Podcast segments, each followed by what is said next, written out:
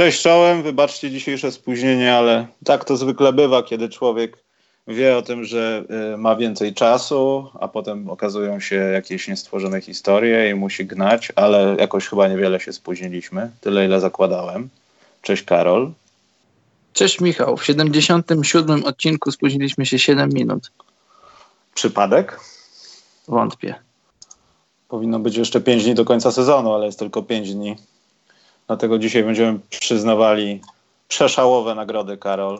Niestety NBA zrobiło nas w konia i nie ma TISO Buzzer Beater. Dlatego musimy na początku powiedzieć, że sponsoruje nas oficjalny chronometrażysta, firma TISO, bo już potem nie będziemy mieli nawet okazji, żeby wspomnieć o przecudownej firmie. Spóźniłem się patrząc oczywiście na zegarek tej marki, także to...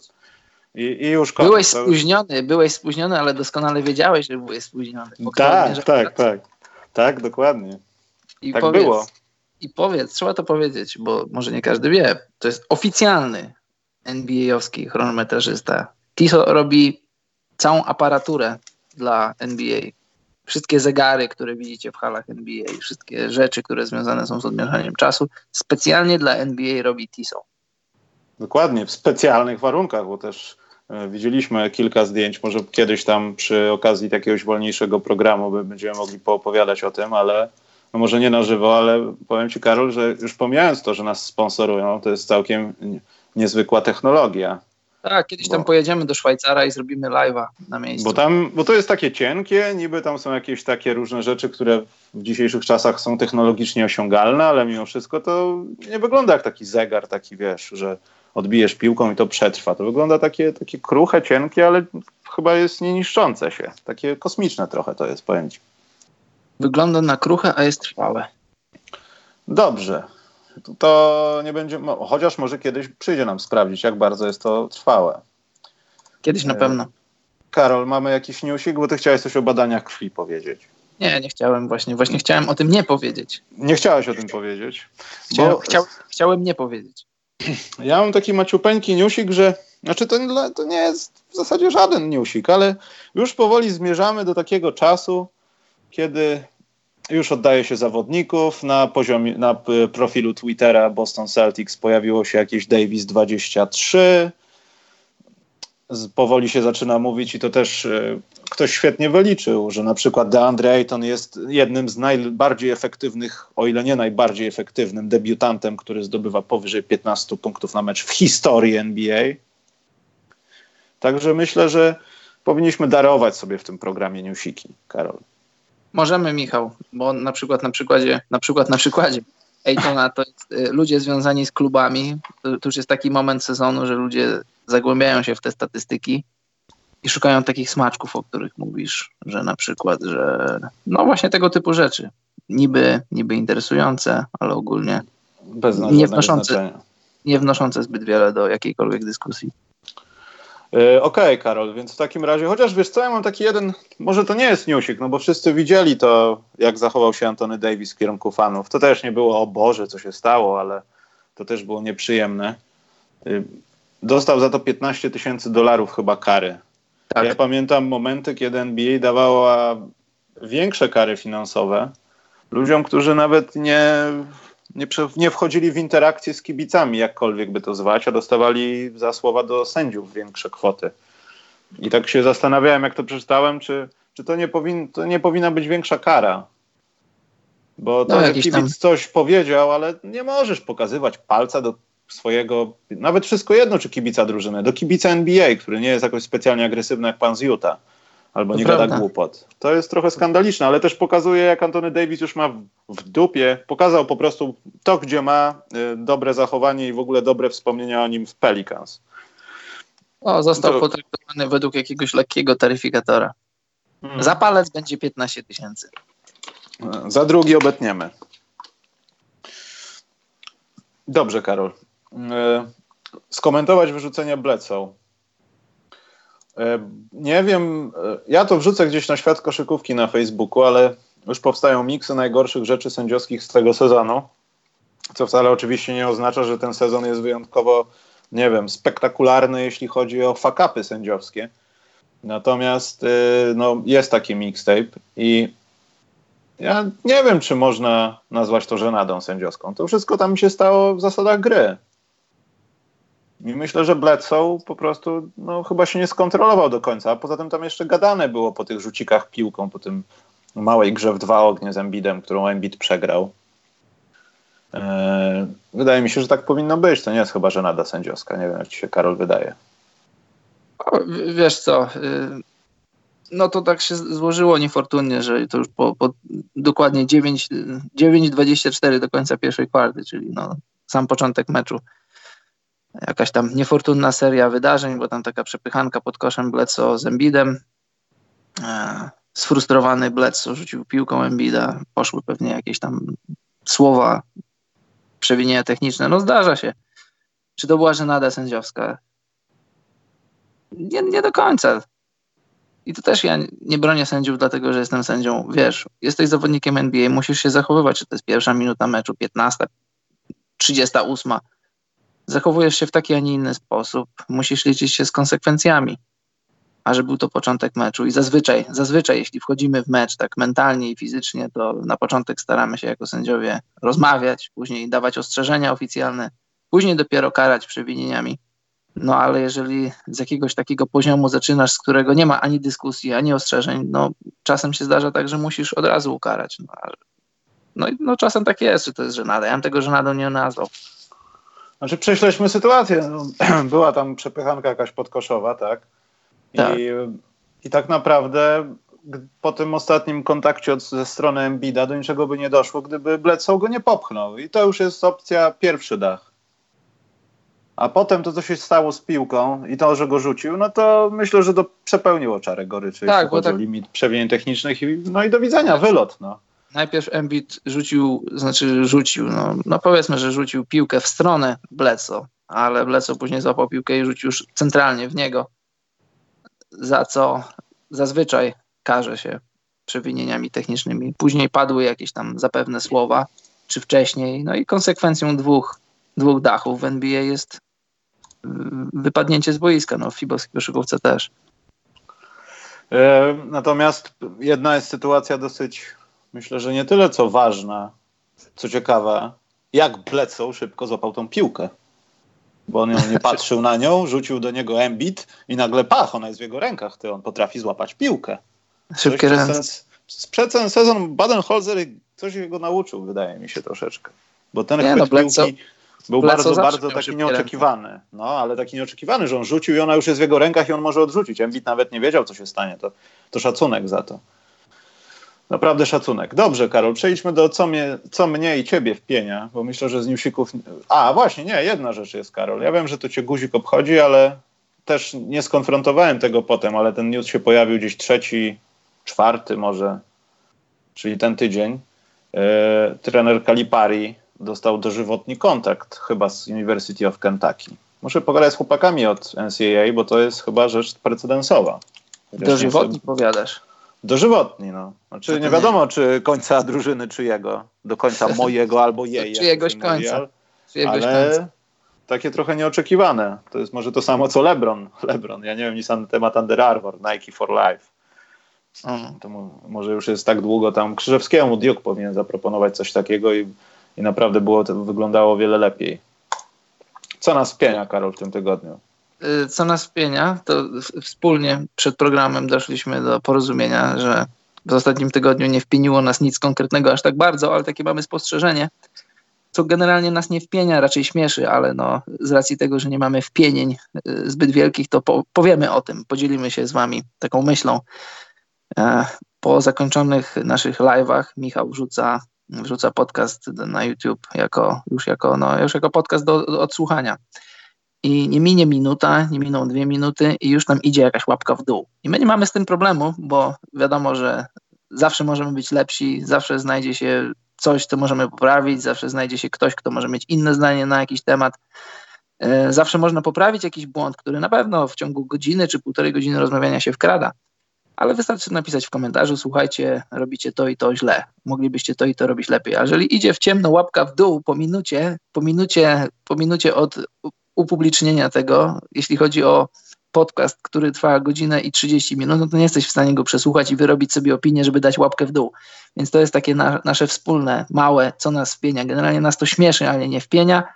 No ale z racji tego, że nic nas nie wpienia w zeszłym tygodniu, to wrzucamy to. Takie trochę dziwne, no ale generalnie no nie jesteśmy dziećmi, wiemy jak działa internet. Pozdrawiamy tych wszystkich y, takich, takich troli, takich wpienionych ludzi, co tylko siedzą i wrzucają łapki w dół. No to, to, chyba już nie mogę nic dodać bardziej, ale faktycznie, znaczy, wiecie co, tak naprawdę to te wszystkie łapki w dół, łapki w górę służą niczemu więcej jak nie pokazaniu tego, jak bardzo się ludziom podobał film, tylko, no może trochę też, ale na tej podstawie jest na przykład ustalane y, grupa najchętniej oglądanych filmów. Jakaś tam karta na czasie myślę, że też bazuje nie tylko co na wyświetleniach, co też na pozytywnym feedbacku, chociaż tutaj tego nie mam sprawdzonego. I tak naprawdę to jest miernik jakiś YouTube'a. Natomiast jak, tak jak Karol powiedział, no, wrzucasz półtora godzinną rzecz, która e, już wcześniej mo mogła być do odsłuchania przez jakiś kawałek, przez jakąś osobę i jest bach w dół. Nie to, że mi ręce opadają, mi się nie chce robić, tylko na przykładzie na przykład odebrania Iwonie głosu. Iwona już nie czyta donate'ów, a ktoś napisał dosyć niegrzecznie w zasadzie w komentarzach, że to jest do dupy. I w zasadzie mieliśmy świadomość tego, że to jest takie 50 na 50 i wystarczy powiedzieć, że jest do dupy. Bo to no tak. też wiele rzeczy zrobiliśmy dzięki waszym sugestiom, a nie dlatego, że uważaliśmy, że tak będzie lepiej. To prawda. Dlatego karny kutas dla osób, które y, ładują łapkę w dół y, w, w, pierwszej minucie 90-minutowego nagrania. Tak. Jeśli nas nie lubicie, nie tolerujecie, to proszę wy nie wchodzić na, na kanał. Nie musicie słuchać. Jest masa innych świetnych YouTuberów, którzy mówią o koszykówce. Albo konstruktywnie podzielić się swoimi przemyśleniami. Ale żeby... nie, też Karol nie namawiajmy, żeby spłaszczać relacje, że jak masz coś do nas, to powiedz nam, a my cię na pewno polubimy, bo nas nie lubisz. Nie, nie ma obowiązku oglądania. Nie masz konstruktywnej krytyki, bo i tak jest do dupy, no to tam są to, to, to, oczywiście, to masz rację, tylko że w, w, mam na myśli w obrębie ludzi, którzy nas słuchają i słuchają, myślą sobie, no to jest fajne, a mogliby być jeszcze lepsi, zasugeruję im to i to. To, to tego możemy posłuchać, ale jeżeli ktoś z, z, gruntu od samego początku nie lubi i nie chce słuchać, no to, to tu masz 100% racji. Tam są drzwi, tam na górze, tam po prawej stronie, na samej górze jest taki krzyżyk, możesz sobie ten krzyżyk wcisnąć teraz, jak coś ci się nie podoba, słuchaczu albo słuchaczko. E, nie będziemy płakać. Witamy wszystkich, cieszymy się, że wszyscy są, ale jak ktoś z jakiegoś powodu chce opuścić, no to mówimy po szwedzku hejdo. Mam pełną gamę słów, e, które są powszechnie uznawane za obraźliwe, które mogą wyjaśnić, w którym kierunku możecie się udawać. Natomiast to też jest tego typu, Karol, kwestia, że ja podejrzewam, że to, to jest tak z założenia, że na przykład że może być tak, że ktoś na przykład ceni bardziej jednego twórcę, drugiego mniej z samego założenia, że to nie jest coś tego innego twórcy, to trzeba zapieprzyć. Ja nie mówię tu o przypadku koszykarskim, ale spotkałem się w różnych jakichś takich chorych dziedzinach YouTube'a. Nie mówię o patostreamach, ale jakichś takich rzeczach, że jest kilku twórców, ale jeden ma fajniejsze tło, bo ma green screen i coś powiedział brzydkiego na temat tamtego twórcy, no i już się tworzy obóz, Karol, wiesz. I, i to nie jesteśmy siostrami Godlewskimi, żeby dostawać łapę w dół na miłość boską. No. E, słuchaj, Michał, tak masz rację. Ja, e, ja z nikim nie konkuruję. Nie wiem, czy ktoś ze mną konkuruje. Mam generalnie to gdzieś. Słuchaj, ja nie mam, nie mam 17 lat i internet nie jest całym moim życiem. Jeżeli ktoś uważa, że, że stoję na jego drodze w internecie, no to jest mi, jest mi przykro. Cóż więcej mogę dodać?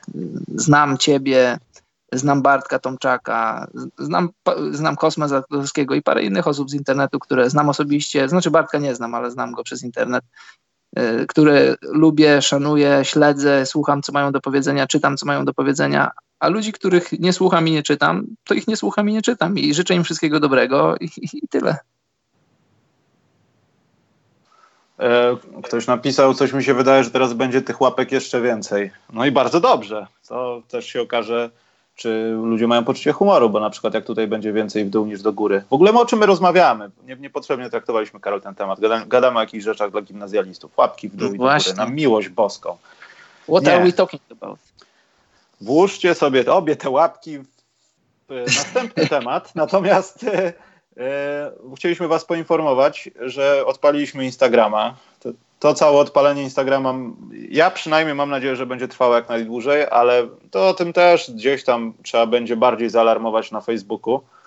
E, to wydaje mi się, że jeśli na przykład do końca pierwszej rundy playoffów nie, nie, nie będzie jakiejś liczby obserwujących, którą założymy z Karolem, to nie będziemy tego robić. Bo w zasadzie możemy to samo robić przez Facebook, ale jak, jak zwykle wszyscy używają 15 aplikacji i trzeba tam być. Także myślę, Karol, że tak możemy zrobić. Tak, możemy tak zrobić, ale też z drugiej strony nie, nie od razu Rzym zbudowano. Dajemy Instagramowi. Ja wiem, ale te same zdjęcia i te same treści mniej więcej są przepalane na Facebooku, więc wiesz, ja też nie widzę sensu, żeby ale... ktoś tracił prąd w telefonie na przykład. Hashtagi człowieku, hashtagi. Tak, tak, tak to działa, Karol? Dobrze. Na Instagramie Będę... hashtagi robią. Hashtagi. Będę ten, y, no, live story robił jakieś żenujące. E, ale tak, wpiszcie sobie na Instagramie e, podcast specjalny, w sensie tak się nazywa nasz profil, jest link w opisie. Myślę, że na razie naszej grafiki nie będziemy uzupełniać. Może Karol nie powinienem o tym mówić, ale tak czy siak trzeba będzie ją zmienić, myślę, że przed tą datą graniczną, która jest związana właśnie z założeniem i końcem Instagrama. Ale ja nie będę nic więcej, Karol, mówił. Nie mów. Ale pewne rzeczy się zmienią w tle. I to nie chodzi o buzera. E, Instagrama, nie Instagramu. Mhm. Fajnie, jakbyście na Twitterze coś pisali więcej. Myślę, że jest to najlepsza platforma do tego typu rzeczy. Ale wiesz co, każdy z nas ma konto na Twitterze i to jest chyba już bez sensu, żeby tam aplikować podcast specjalny. Przynajmniej mi się wydaje, że to nie jest za dobry pomysł. No, też Bo... tak myślę, ale pomyślimy o tym może, może. W zasadzie, Karol, niedługo będę miał dziesiątą rocznicę na, na Twitterze. Możemy pogadać kiedyś o tym, jak to zmieniło koszykarską komunikację, bo to też o, jest możemy. Ciekawe. To jest bardzo ciekawy temat. Dobrze. To w takim układzie, Karol, może taki tyci, tyci Playoff Watch. To już chyba będzie numer siódmy. Nie chcę kłamać, ale tak może no, być. No dawaj, daj go. Karol, nie interesuje mnie już w zachód. Na zachodzie w zasadzie mam to w dupie. Y, Steph Curry kupił sobie szkła kontaktowe, nie, w dupie mam to akurat. E, szkła, szkła kontaktowe sobie kupił, teraz będzie częściej trafiał. Bogi Cousins już, już, już wie o tym, że, że można zacząć wariować. W sumie gramy dobry basket. Kevin Durant wygląda na osobę, która jest tam niepotrzebna, ale jednocześnie jest i będzie wszystkich wspierał. Można powiedzieć, że tytuł NBA, mistrzów NBA na tym etapie można rozdać już, już teraz zaocznie Warriors, więc nie rozmawiamy o zachodzie, Karol. W moim odczuciu tam jest mniej więcej wszystko poukładane. Znaczy wiadomo, że nie będzie, ale jak na razie to tak widzę. Natomiast na wschodzie ja mówiłem, że tak Karol będzie. Oni wszyscy nie są pewni, czy będą w playoffach. Mówię o tych drużynach, o których rozmawialiśmy przy ostatnim playoff watch. To jest piękne. To jest bardzo piękne. To już są playoffy przed playoffami. Ale zmieniłeś, Karol, zdanie, kto będzie w ósemce? Yy, Chyba jeszcze nie. No ja miałem Miami i, i, nie wiem, czy nadal mam Miami, ale też powiedziałem, że nie skreślajmy Orlando, więc na razie się wszystko sprawdza. Znaczy wszystko się sprawdza, nie wszystko, bo miałem Miami. Jeśli, jeśli Miami nie wejdzie do playoffu, będzie mi szkoda Wade'a, tego ostatniego, ten ostatni taniec. A jeśli Orlando wejdzie, to też nie będę płakał, no bo, bo dużo meczów Orlando oglądałem, w tym jeden na żywo. Orlando proponuje ciekawą koszykówkę. Poszczególni zawodnicy Orlando może nie są jacyś wystrzałowi, ale ale, ale Clifford zaproponował niezły system w Orlando i, i po latach, słabych latach, wręcz żenujących latach drużyna, że na tym etapie sezonu, czy oni wejdą do playoffu, czy nie, to, to zobaczymy, ale że na tym etapie sezonu, że oni jeszcze walczą o playoffy, to to już jest dla fanów Magic sukces. Wiadomo, że jednej z tych drużyn będzie szkoda i nawet Hornets szkoda. szkoda przede wszystkim Kemby Walkera szkoda. No tak to jest kiedy stawka jest wyrównana i ktoś do playoffów ostatecznie nie wejdzie, będzie ci, będzie ci kogoś szkoda. No, byłoby mi szkoda Miami. Myślę. Ale czy Kęby nie, nie jest ci szkoda od momentu, kiedy. Mi jest przynajmniej szkoda, do momentu, kiedy no, jak gdyby Hornets nie pokazali jakiegoś pazura podczas trade deadline, nie dołożyli kogoś. Ja wiem, że to, A, nie, jest tak, jed... oczywiście. to nie jest obustronna opcja, znaczy jednostronna, że się starali, ale nic nie wyszło. Ta druga strona też musi chcieć. Natomiast no, Kemba to, co mógł, robił w pierwszej połowie sezonu i mieliśmy nawet taką iluzję, o Boże, Kemba zamienia się w jakiegoś potwora i będzie prowadził Charlotte. Czwórka, piątka wschodu murowana. A tymczasem no, nie działo się tak. Ten zespół był tylko oparty na Kębie i tak naprawdę ich największą bolączką, chociaż trzeba im oddać, nie wiem jaka jest statystyka ich w back-to-back, -back, ale całkiem dobrze się trzymali, no to te cholerne końcówki. To jest coś, co ich zabijało przez trzy czwarte sezonu żeby nie powiedzieć przez większość sezonu, jeszcze większą większość, 90% sezonu. No tak, grasz 45 minut i grają wszyscy, czy powiedzmy trochę mniej 45, a później wiadomo, że jest money time że przychodzi czas, kiedy Kemba bierze piłkę i, i game plan przeciwko Hornets jest, jest dosyć prosty. No. Trzy czwarte skupienia poświęcasz na, na Kembę, a jedną czwartą na całą resztę. I, I tak to zazwyczaj wyglądało w końcówkach. Zaatakować Kembę, żeby go zmęczyć, obronić przeciwko niemu, tak jak ten, ten słynny mecz z Filadelfią. Tam Kemba fizycznie zrobił wszystko. Chodzi mi o ten mecz, w którym Jimmy Butler rzucił game winnera. Tam, tam Kemba chyba 50 punktów wtedy rzucił, czy ponad 50. No już nie mogłeś wymagać więcej. Wiele takich meczów było w tym sezonie, gdzie Kemba no już wszystko zostawił na parkiecie, już nie mógł, nie, nie mógł dać od siebie więcej.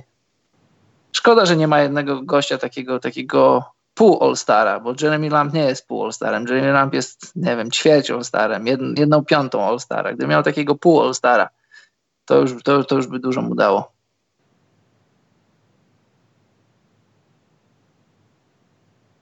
Halo Michał. Nie postawiłeś kropki, Karol. A, widzisz.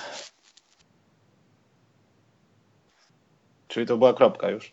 Tak, była. E, dobrze, ale tak nie wiem. Ja wiem, że teraz Miami jest no, poniżej kreski. Ma jeden mecz mniej rozegrany w zasadzie, czyli pół spotkania straty.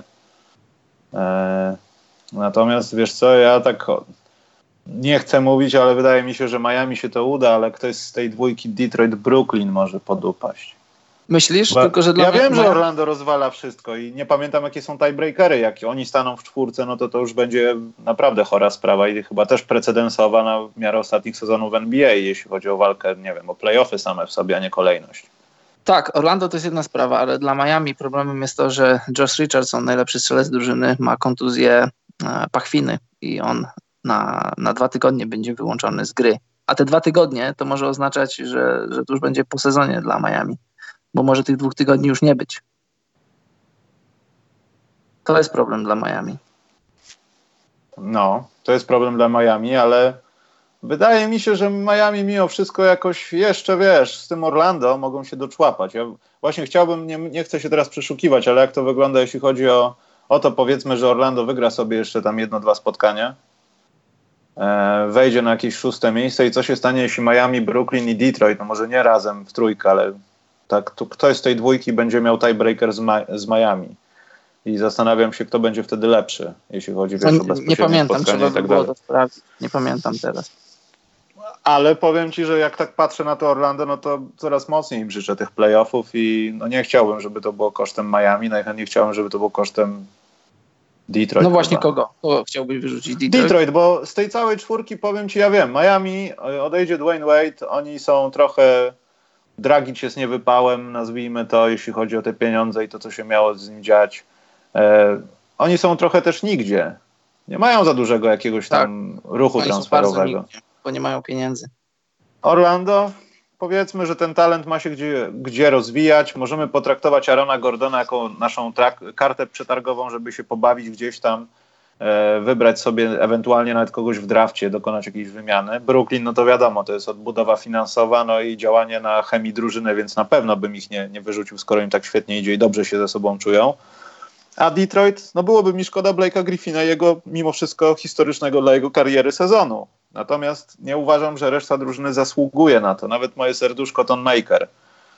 Nie wiem, czy to, co aktualnie robią, powiedzmy od miesiąca, kwalifikuje jak, ich jako, w moim odczuciu, drużynę, która powinna grać w playoffach. Mają dobre mecze. Blake Griffin jest świetny, ale tylko on z jakimiś poszczególnymi przypadkami. I to jest smutne trochę. Dlatego ja bym ich wyeliminował. Wiem, że to jest szóste miejsce i mają po 50 i to jest 78 rozegranych spotkań, więc jeszcze chyba 4, tak? No. E, nie, chciał, nie chciałbym chyba, żeby do tego doszło, że Miami jednak będzie poza tą stawką. No, ja nie mam nikogo takiego. No, ty chciałbyś zobaczyć, nie zobaczyć Detroit. Ja w sumie Detroit chciałbym zobaczyć w playoffach. Tak samo, ale wiesz, tak samo jak Brooklyn, tak samo jak Orlando, tak samo jak Miami. No, jest to fizycznie niemożliwe. Któraś z tych drużyn na pewno do playoffów nie wejdzie. Będzie szkoda każdej z nich, nawet i Charlotte szkoda. Ciekawy będzie, bo na przykład 11, czyli już niedługo, w ostatnią kolejkę w NBA, Miami gra na wyjeździe w Charlotte i tak się zastanawiam, czy ten mecz jeszcze będzie miał jakieś znaczenie, a z kolei, nie, przepraszam, Miami gra na Brooklynie, ostatni mecz. Ciekawe, czy on będzie miał jakieś znaczenie. a Orlando gra ostatni mecz w Charlotte. Ciekaw jestem, czy do tego czasu jeszcze sprawa będzie otwarta playoffów, bo jeśli będzie, no to, to bardzo interesująco się rysuje ostatnia kolejka w NBA. Michał. Nie, y, właśnie patrzę na terminarz, Karol, y, i przez chwilę siebie słyszałem. Y, powiem ci, że ja też właśnie, wiesz co, zastanawiam się, jak na przykład takie Charlotte podejdzie do takiego ostatniego spotkania, bo nie wydaje mi się, żeby na przykład Charlotte, mimo tego, że już wiadomo, co się dzieje i już oficjalnie nie i tak dalej, to czy oni po prostu będą sadzać zawodników, czy nie będą grali do końca po prostu, wiesz, dla kibiców, społeczności, cokolwiek. No ja myślę, że będą chcieli zagrać dla kibiców. Mimo, że playoffów nie będzie, bo to jest, wiesz, to jest ta fanbaza, to już mówiliśmy przy okazji na przykład Phoenix, czy właśnie też Orlando, czy Detroit, no nie możesz, znaczy nie powinieneś e, swojej fanbazy tak wystawiać na próbę co roku, bo ludzie się zaczną od ciebie odwracać, jeśli widzą, że coś budujesz, że masz jakąś wizję, no to są z tobą, nawet jak nie wygrywasz, ale jeśli widzą, że, że, że miotasz się jak małe kwiczące dziecko gdzieś tam w ciemnym lesie i nie jesteś nigdzie, bo nie masz ani pomysłu, ani żadnej wizji, tylko tak trwasz z sezonu na sezon, no to ciężko, ciężko się utożsamiać z taką drużyną, nawet jeśli to jest drużyna z twojego miasta. Więc żeby uściślić, Orlando gra trzy jeszcze spotkania do końca sezonu, czyli Atlanta, Boston i Charlotte. E, no to, to, nie, to nie będzie e, łatwy, łatw, łatwa trójka spotkań, bo Boston dalej chce, Charlotte będzie chciał, a Atlanta jak widać jest nieobliczalna. Oni łoją najlepszych, już nie chcę wracać do ostatnich sekund Trey Younga, ale naprawdę łoją ludzi w NBA. No. Gdyby, gdyby to się działo na początku sezonu, byśmy rozmawiali, czy oni aby na pewno nie będą w playoffach. E, jeśli chodzi o Nets, no to mają Milwaukee, który, którzy chyba mają gdzieś to wszystko już trochę. Ja myślę, że będą mieli gdzieś dopiero jak wygrają swój 60. mecz, bo to jest takie symboliczne znaczenie. Czy wiadomo, chcą zdobyć mistrzostwo, ale czy, czy, czy to zrobią, to, no to jest sprawa bardzo trudna przede wszystkim. Znaczy ale wiesz, Karol, masz... wynik wynikiem, ale gdyby, przepraszam, w tej trójce był taki mecz z Filadelfią, to myślę, że wiesz, sama ambicja, sam ambit tego, że grasz z nimi e, powoduje, że oni by po prostu grali taki mecz, jak widzieliśmy no, dziś w nocy, dziś rano. Natomiast e, już potem myślę, że oni są też świadomi tego, że lepiej jest odpocząć i, i tak, no, przygotować się do mówię, tego, bo tak. jak przekroczą barierę tych 60 wygranych, to, to już będą mogli odpuszczać już też. Czy, czy, czy, masz wygranych 61 czy 62 mecze, to nie ma znaczenia, ale że przekroczyłeś barierę 60 wygranych, co będzie ci zapamiętane w historii, to, to na pewno będą chcieli zrobić.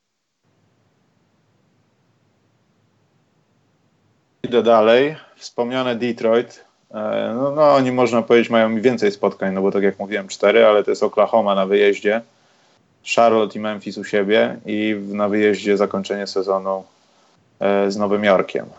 No, Nowy Jork wiadomo, no tutaj raczej możemy faworyzować, wiadomo kto wygra, tak mi się wydaje. E, ale czy to spotkanie z Oklahoma myślę, że będzie szóstego, tak? Więc patrząc na to, że Miami, te spotkania wszystkie będą chyba jakoś w miarę równolegle, e, to myślę, że ewentualna porażka z Oklahomą i potem jakby Charlotte, sorry, im dołożyło, to może sprawić, że stanie się to, o czym mówiłem. Bo to chyba z tego grona czteroosobowego takie najtrudniejsze dwa, pierwszy mecz, taki od teraz, tak?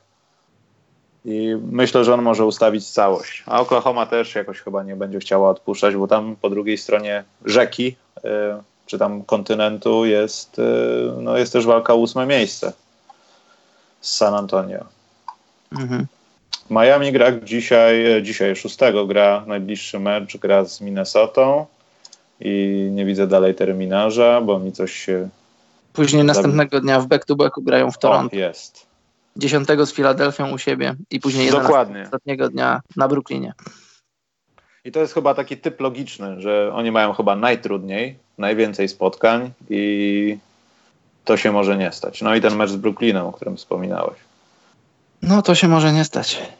Czyli co, nie wyrzucasz nikogo za coś, bo ja wyrzuciłem Detroit. Pewnie na to zmienię w poniedziałek, także wiesz, to jest i tak niewiążące w żaden sposób. Na razie nie wyrzucam nikogo. Zobaczę, co się wydarzy. Znaczy, tak jak powiedziałem, mam swoje sympatie co do każdej z tych drużyn i szkoda byłoby nie zobaczyć każdej z nich, łącznie z Miami. Liczę, znaczy liczę, na nic nie liczę, po prostu patrzę, co się wydarzy. Okej, okay, ktoś pytał, w którym podcaście rozdajemy nagrody za sezon. Oczywiście, że w tym. Dlatego do tego przystępujemy, drogi Bartku. Karol, teraz dajemy już. nagrody, ale tak, to jest teraz ten moment, jesteśmy. Antycypujemy NBA, co tam dużo oszukiwać. Oni to w czerwcu zrobią. My zrobiliśmy. Możemy powiedzieć, że za godzinę będziemy mogli powiedzieć, że my zrobiliśmy to już dziś wieczorem. Przystępuję, przystępuję do. Głosowania. Nie, no tutaj miałem kłopot z niektórymi, Karol. I dalej mam. Myślę, że możemy się pokłócić.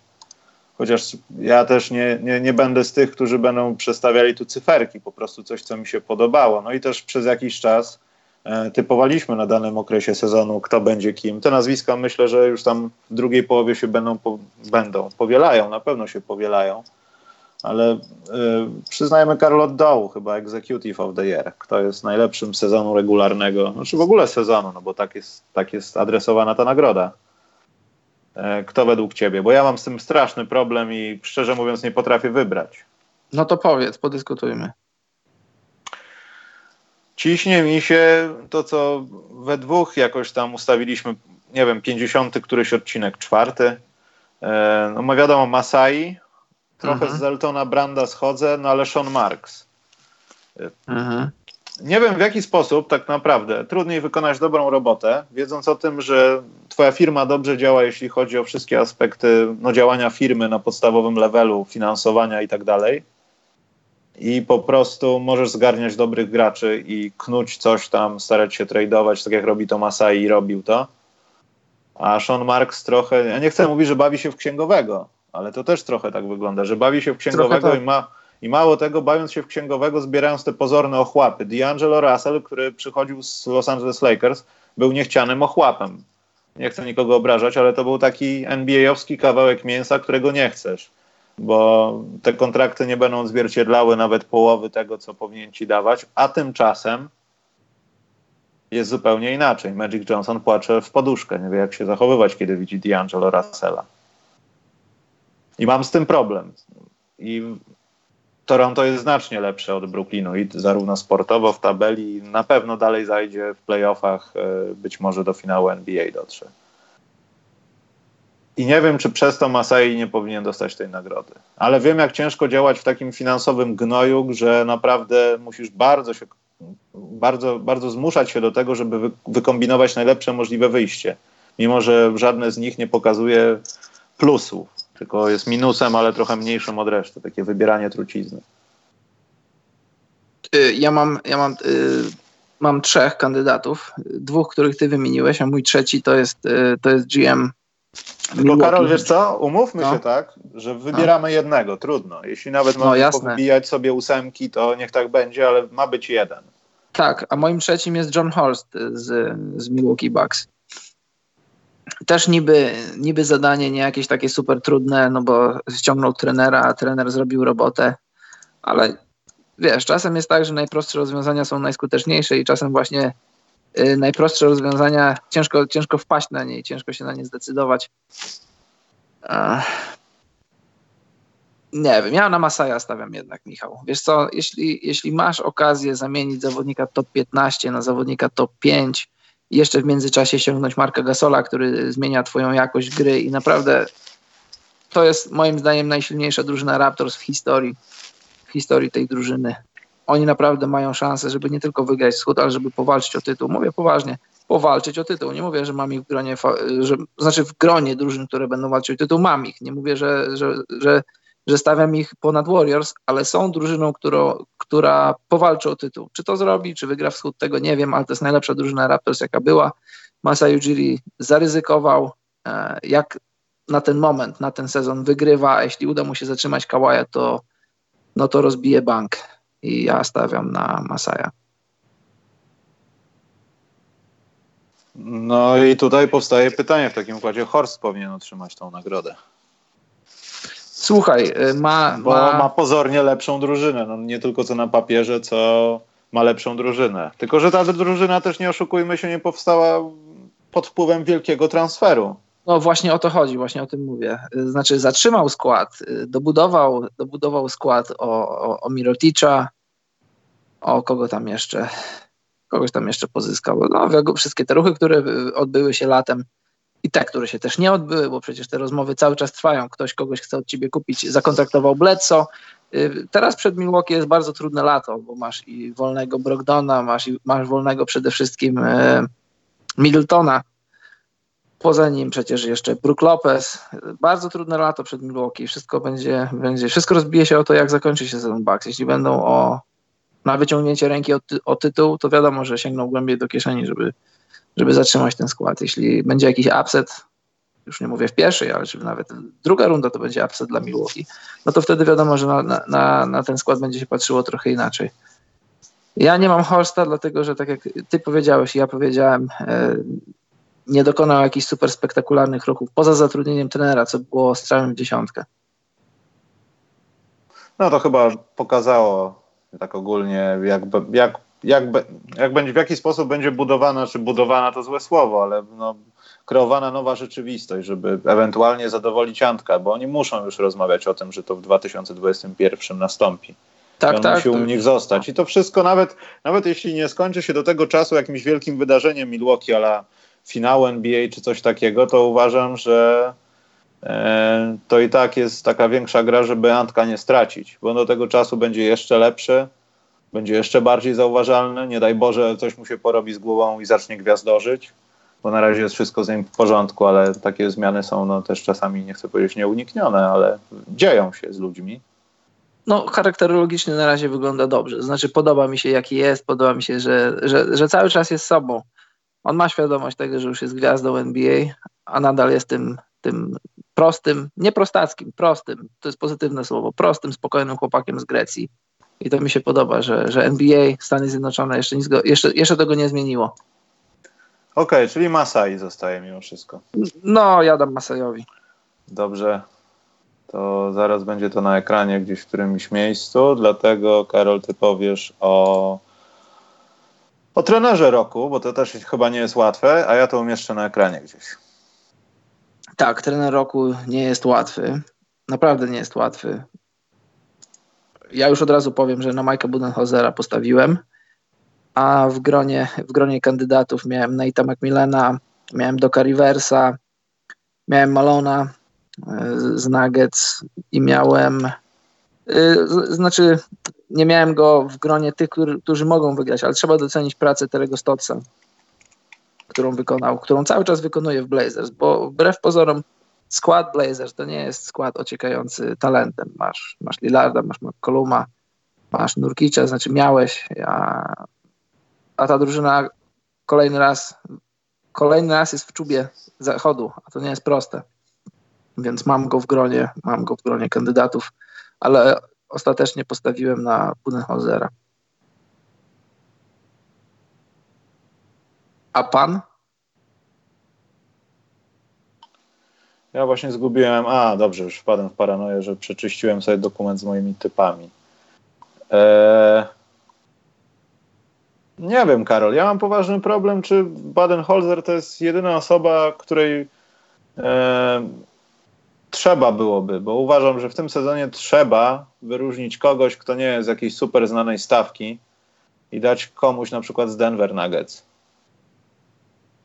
I why nie wiem, not? Czy, why not? Let's mix, why not? Natomiast y, wiem, że Baden-Holzer wygra tą nagrodę. No to, co, jak, to, jak wygląda w tabeli przynajmniej Milwaukee, no to od razu jakbyś nie oglądał NBA od 10 lat, kto jest tam trenerem do diabła i kto tam gra. Po opowieściach, kim jest Antek, od razu jest Mike Badenholzer i potem opowiadasz o tych rzeczach, które robił w Atlancie, z Atlantą.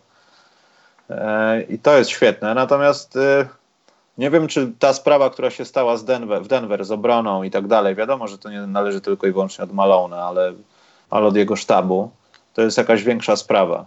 Bo gdybyśmy to przetłumaczyli na konferencję wschodnią, ja wiem, tak się łatwo mówi, ale gdybyśmy to przetłumaczyli na konferencję wschodnią, to dopiero mamy potwora, który zamienił się z drużyny ofensywnej tylko w zasadzie w kogoś, kto potrafi jeszcze bronić i jeszcze pomyśleć nad tym, co robi, a nie po prostu biegać jak kurczak bez głowy w kontrze. Tak, oczywiście, to jest duża rzecz i trzeba na pewno Malona wyróżnić i na pewno będzie miał głosy. Na pewno zdobędzie jakieś głosy na to, żeby wygrać. Myślę, że nie wygra, ale trzeba go docenić. Ja zapomniałem jeszcze wyróżnić Kennego Atkinsona z Nets. Ja się nie spodziewałem, że Nets będą walczyć o playoffy.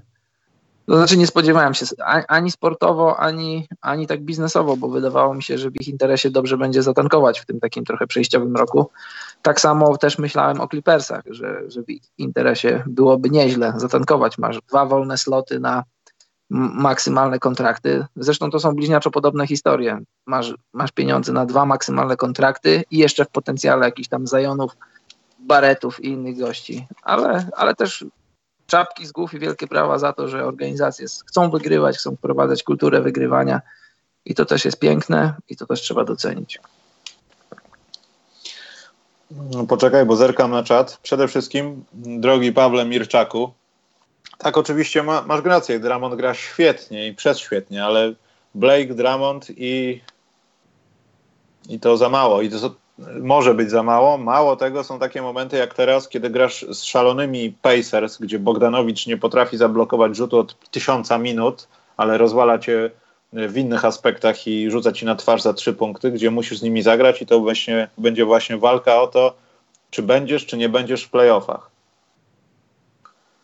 I to wtedy pokaże, kto jest oprócz Dramonda w tej drużynie na przykład, bo Indiana to też myślę, że nie odpuści sobie tego spotkania. Oni mają też przed kim uciekać. Tutaj jest taka sieć zależności w tych ostatnich spotkaniach, że każdemu na, na czymś de facto będzie zależało. Nie wszystkim na wygrywaniu, to prawda, ale takie Indianie na przykład, no umocnienie się nad Bostonem, no to do 11 naszego czasu będzie to bardzo ważne. Dobrze, bo taka dygresja była. Y, Glenn Rivers, owszem, Karol, i tutaj Purple Rain Film napisał, że według mnie o kunszcie trenerskim decyduje przede wszystkim wynik z teoretycznie słabszym składem, dlatego stawiam na Riversa. Wiesz, ile takich trenerów z teoretycznie słabszym składem wygrało tą nagrodę? Niestety, no, ta nagroda nie jest taka różowa. Dajesz najlepszemu zespołowi i nie, żeby to nie był ten trener, co wygrał rok temu, bo będzie brzydko. I tak w skrócie to chyba wygląda. No dobra, Karol, to Daleko jednak... nie trzeba szukać. Sam Rivers wygrał nagrodę do najlepszego trenera z Orlando Magic, z którymi, jak pamiętam, e, nie został, nie wszedł do playoffów. Zostało mu zostało docenione to, jak zebrał młodą grupę, młodą, niedoświadczoną grupę i wygrał z nimi, już nie pamiętam teraz ile meczów, ale z tego co pamiętam do playoffów nie wszedł, może się, mogę, się mylę, mogę się mylić, bo to były wczesne lata 2000. Pamiętasz ty, Michał? Nie, dokładnej daty nie pamiętam. Ale wydaje mi się, że to był jak, jakoś, że jeszcze nie było dekady chyba XXI wieku. Zresztą to zaraz. Już się... sprawdzam. Y, to było w roku 2000. Dokładnie w roku 2000. I to był jego tak. pierwszy rok pracy z Orlando Magic. Nie, Paweł, bo ja nie wymieniłem swoich kandydatów jeszcze, bo ja też mam kłopot na przykład z tym, że Popowicz. Tutaj właśnie to też jest bardzo ważne, że ja wiem, że San Antonio w tym sezonie wyglądało super ekstra i te momenty takie, gdzie oni w ogóle nie bronili, byli w jakiejś rozsypce, nie wiadomo gdzie był DeRozan, w ogóle nic nie wiadomo, plus kontuzje. Na szczęście im wrócił White, więc to jakoś zaczęło wyglądać. To też nie było łatwe, ale tak patrząc, no każdy z tych trenerów ma jakieś zalety i na koniec dnia i tak wybierze się trenera, który jest chyba najlepszy teraz, jeśli chodzi o jego drużynę, bilans i myślę, że to niestety, stety, niestety, ale to będzie Baden-Holzer. Ale zgadzam też tak się, myślę. Popowicz też będzie w tej punktacji. Dostanie pewnie kilka głosów na pierwsze miejsce, ale to, to wszystko. No ja w tym roku Grega Popowicza z całym szacunkiem nie mam e, w gronie w kandydatów do nagrody. Zobacz, masz, e, masz dwóch All-Starów, dwóch potencjalnych All-Starów, no bo, no bo teraz on nie zagrał. No ale masz dwóch graczy for, formatu All-Star. Clippers nie mają dwóch graczy formatu All-Star i, i mają dwa zwycięstwa więcej niż San Antonio. Wiadomo, w San Antonio były różne kontuzje, różne, różne tam takie zawirowania, no ale generalnie masz ich cały czas i DeRozan i Aldridge grali, cały czas byli, byli, byli dobrze używani. I dalej Clippersami masz, masz dwa zwycięstwa nad, nad, nad San Antonio, Clippersi, którzy nie mają All-Stara w składzie, no więc Wiadomo, że Greg Popowicz jest świetnym trenerem, no ale sam fakt bycia Gregiem Popowiczem za samo nazwisko nie możesz mu dawać nagród. Ja nie widziałem w San Antonio niczego super spektakularnego. Znaczy, ja nie, nie, nie, ja nie chcę, ja tutaj próbuję być, robić siebie nie wiadomo kogo, bo, bo Spurs, jak oglądasz Spurs, to tam widzisz dużo, dużo niesamowitych rzeczy. To w ogóle w sposób, jak podchodzą do, do rzucania za trzy punkty na przykład, o czym mówiliśmy ostatnio, że idą trochę e, równolegle do tego, co dzieje się w NBA. To jest świetne i to jest szkoła Popowicza ale jak dla mnie to jest, to jest trochę za mało, żeby wygrać w tym sezonie. W tym sezonie. Tyle. Ja mam takie przewidywanie na co się stanie za 5 lat, e, bo tak też trochę przyglądałem się temu.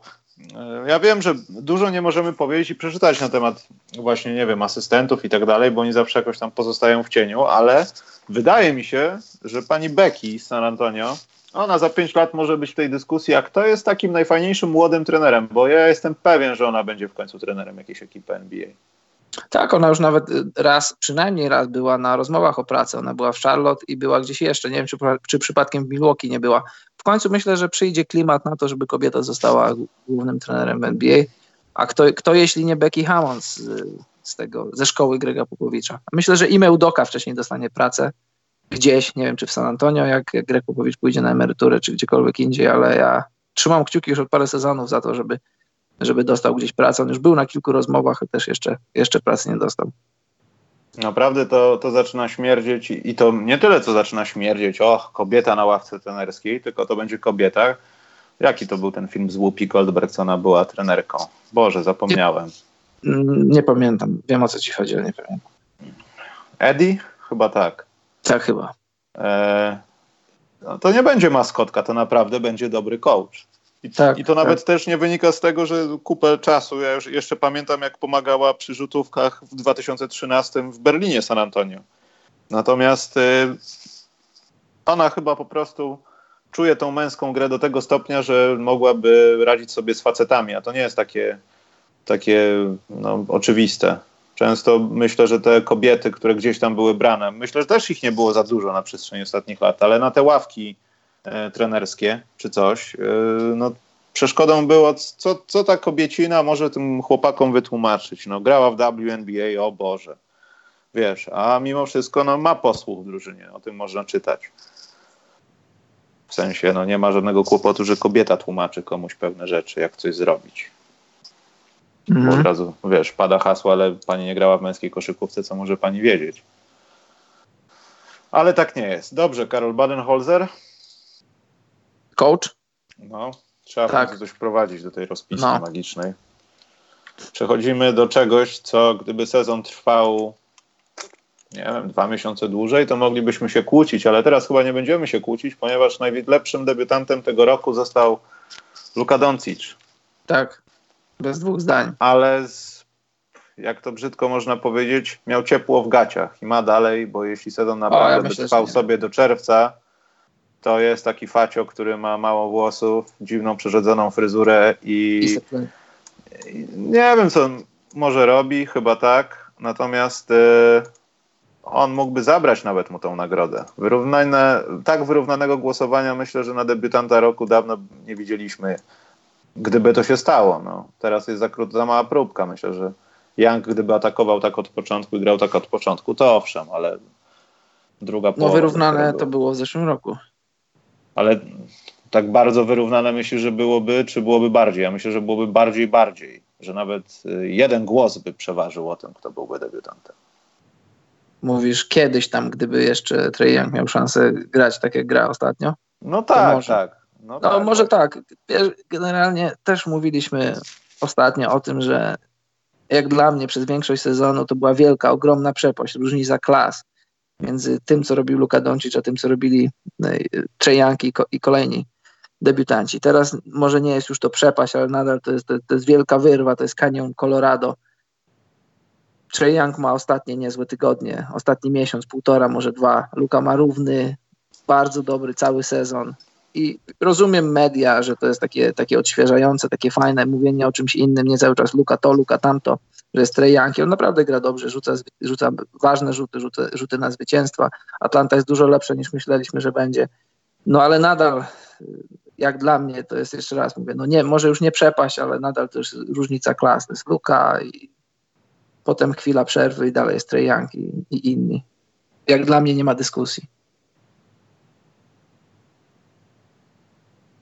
Zaczynam absolutnie się z tym nie zgadzać.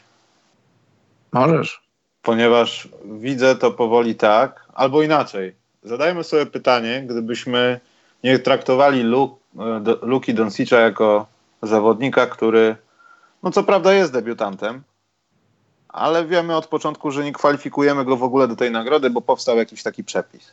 Dajmy na to, tak? Dlaczego na przykład? No nie wiem, dlatego. Dlatego może, że jest już zawodowcem od kilku lat i powiedzmy w NBA od pięciu lat istnieje taki przepis, że jak jesteś zawodowcem w innej lidze, na przykład europejskiej, to do takiej nagrody nie możesz pretendować, ale do innych możesz. No. Załóżmy. Jak postawiłbyś Lukę Doncic'a razem z innymi zawodnikami NBA? O największym to znaczy... postępie moglibyśmy nie mówić. Mówię o nagrodowo, ale Luka Doncic występowałby, ja wiem, że Dallas i tak dalej, ale występowałby w gronie, nie wiem, najlepszego obrońcy, najlepszego szóstego zawodnika albo MVP sezonu. Za ten Tego, sezon? Za ten sezon, powiedzmy. No chciałbym, go zgradi- chciałbym go taką gradiację przeprowadzić wśród prawdziwych koszyk, znaczy prawdziwych, no złe słowo, no drugi rok minimum. Wszystkich no koszykarzy by, NBA, wiesz. Nic by nie wygrał za ten sezon. Trey Young gra pierwszy sezon w zawodowej koszykówce. Pierwszy, nie piąty, nie szósty, pierwszy. On grał wcześniej w koledżu i ma cyfry, które cyfry, ja wiem, to są tylko cyfry i wypadkowo też wierzę w to, że Doncic będzie w ogóle w historii europejskiej koszykówki, już jest, ale będzie jeszcze lepszy. To o nim będzie się tam pisało książki i tak dalej za ileś lat. Natomiast Young dokonał takiego przeskoku rok temu, grając sobie w NCAA. Tak, I z tym zaczynam mieć, Karol, problem, że jeśli Trey Young nawet w tych dwóch, trzech miesiącach jest na poziomie Doncicza, statystycznie, growo, ustawia no, właśnie mecze. To, że nie jest. Właśnie o to chodzi, no jak nie jest? Wygrał z ja, ja uważam, że sam jest. stary, wygrał sobie sam, Boże, z kim tam? Z Bostonem? Nie pamiętam, z kim tam był kolejny game winner. Tak. Z Toronto, tak, przepraszam. Tak, Michał, tak, Michał, to się zgadza. Wygrał Oni nie przyjechali sobie w sześciu Miał... z bratem, wujkiem Kawaja Lenarda grającym. Jasne. Nie? Miał e, swoje historie, miał swoje game winery z Philadelphia, z kimś tam jeszcze. E, z Milwaukee wygrał też. Tylko, że ja na przykład, ja przy, przy nazwisku Doncicza nie mam żadnej gwiazdki, że on tam był zawodowcem gdzieś tam. Gdyby to była jego historia jak Sabonisa, że w wieku tam 30 lat przyjechał do NBA, jak, jak Bogdana Bogdanowicza, że, że już po, po sukcesach w Eurolidze gdzieś tam na, na, na arenie międzynarodowej odnosił sukces i jako zaawansowany dwudziestolatek przychodzi do NBA i możesz dyskutować, że, że trochę trzeba na niego inaczej patrzeć. Luka większość tego sezonu zagrał jako dziewiętnastolatek.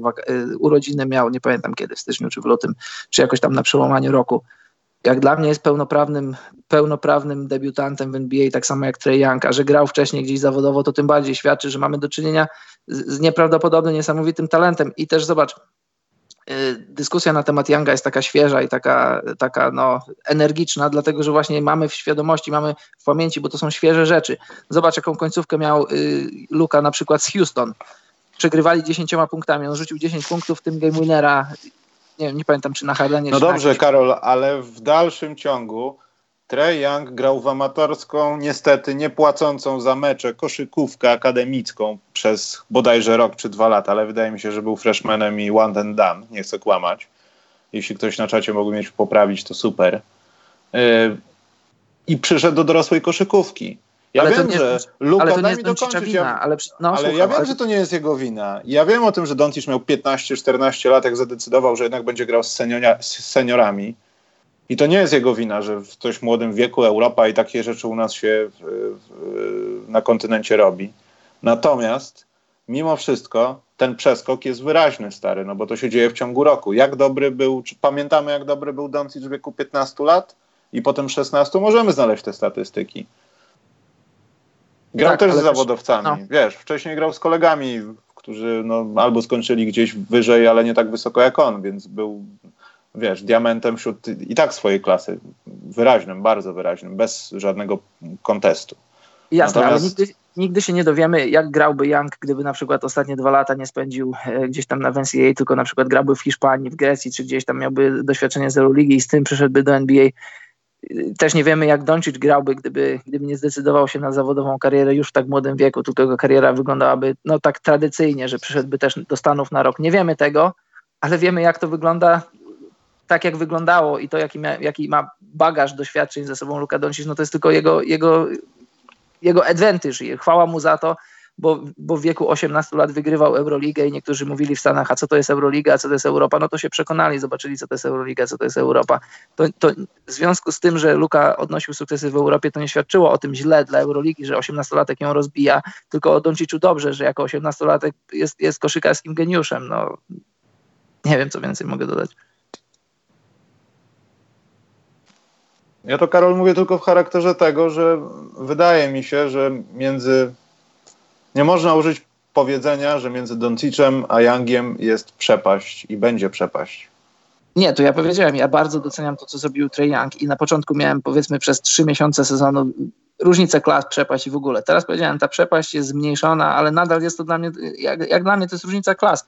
Rzeczy, które robi rzeczy, które robi teraz Trey Young, to są rzeczy porównywalne do rzeczy, które Luka Doncic zrobił przez cały sezon. I jeżeli mówisz, znaczy ty nie mówisz, ale jeżeli myślisz gdzieś tam w świadomości, czy przypadkiem Luka Doncic nie ma jakiegoś teraz dołka formy, bo, bo mówimy cały czas o Trey Youngu, wchodzisz w statystyki, patrzysz, on cały czas robi 25, 8, 6, 22, 9, 11. Luka Doncic nie, ma, nie, miał, nie, miał, nie, nie uderzył w ścianę, jak wielu debiutantów uderza. A to, że mówimy o Youngu, to jest takie dla mediów takie odświeżające, to jest coś nowego. A tam, gdzieś tam w Dallas, gdzieś tam w Teksasie, Luka robi dalej swoje.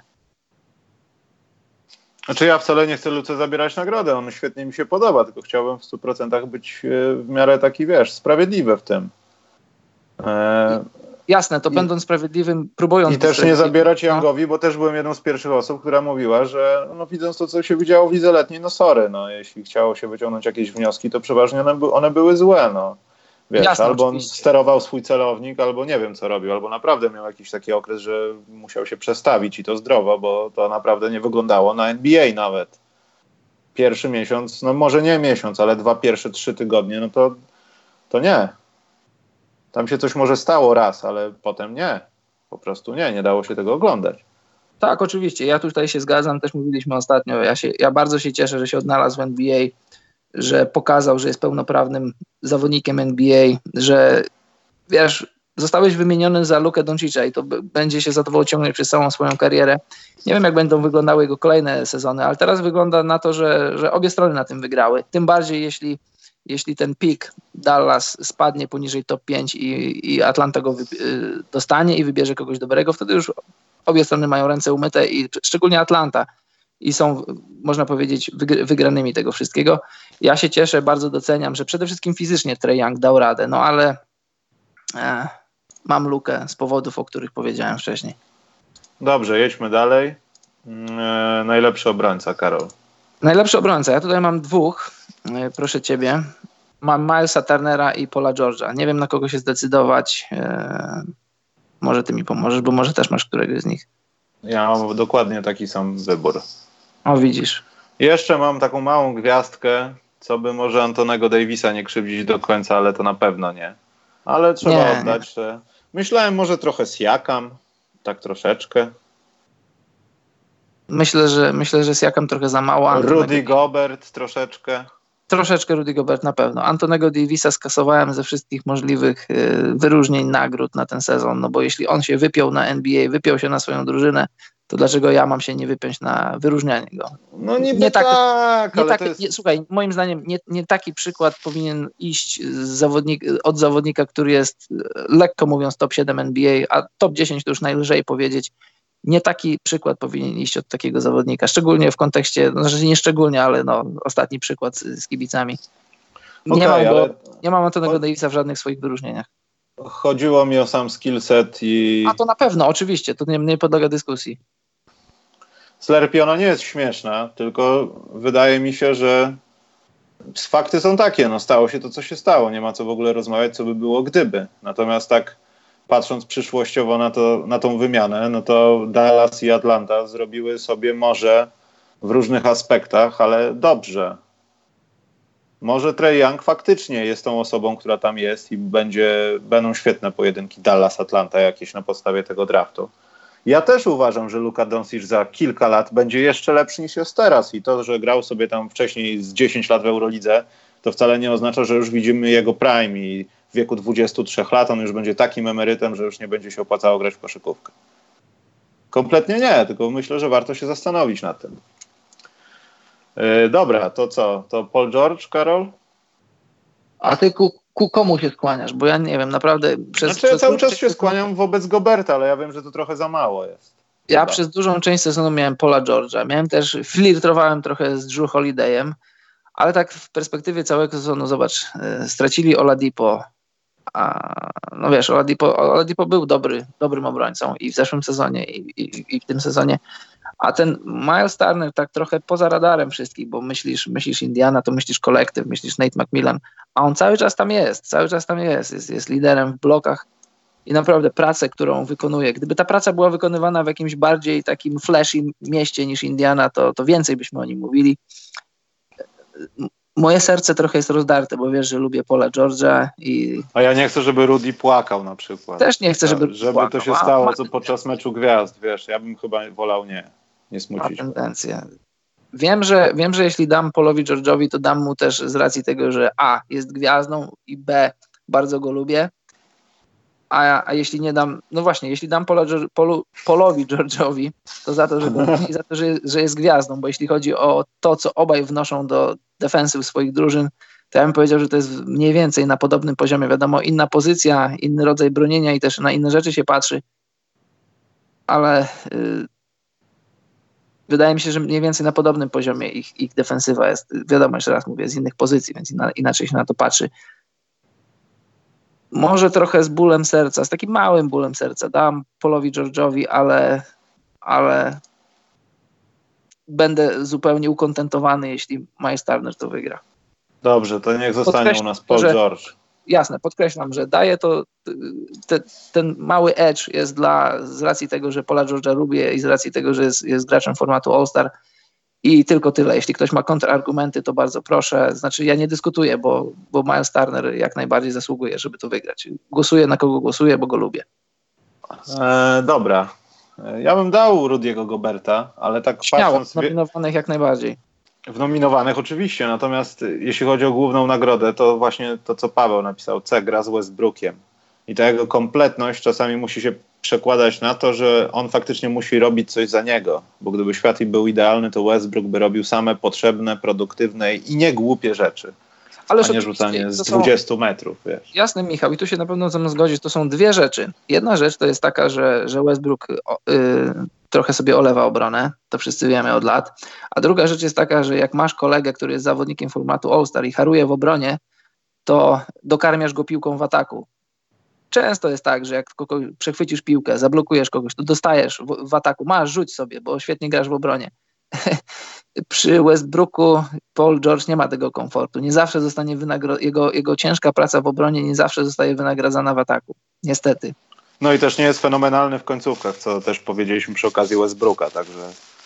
No Ale to wynika z tego, że te decyzje są już brane w momencie, kiedy Russell z- zrobił dwie i wiesz, muszę je zrobić, ale nie ma na to żadnego w ogóle przełożenia, to co się stanie potem, bo to tylko będzie wzięcie lepszych decyzji ponad gorszymi jego i te punkty tak naprawdę no, pójdą na nic. No ale trudno.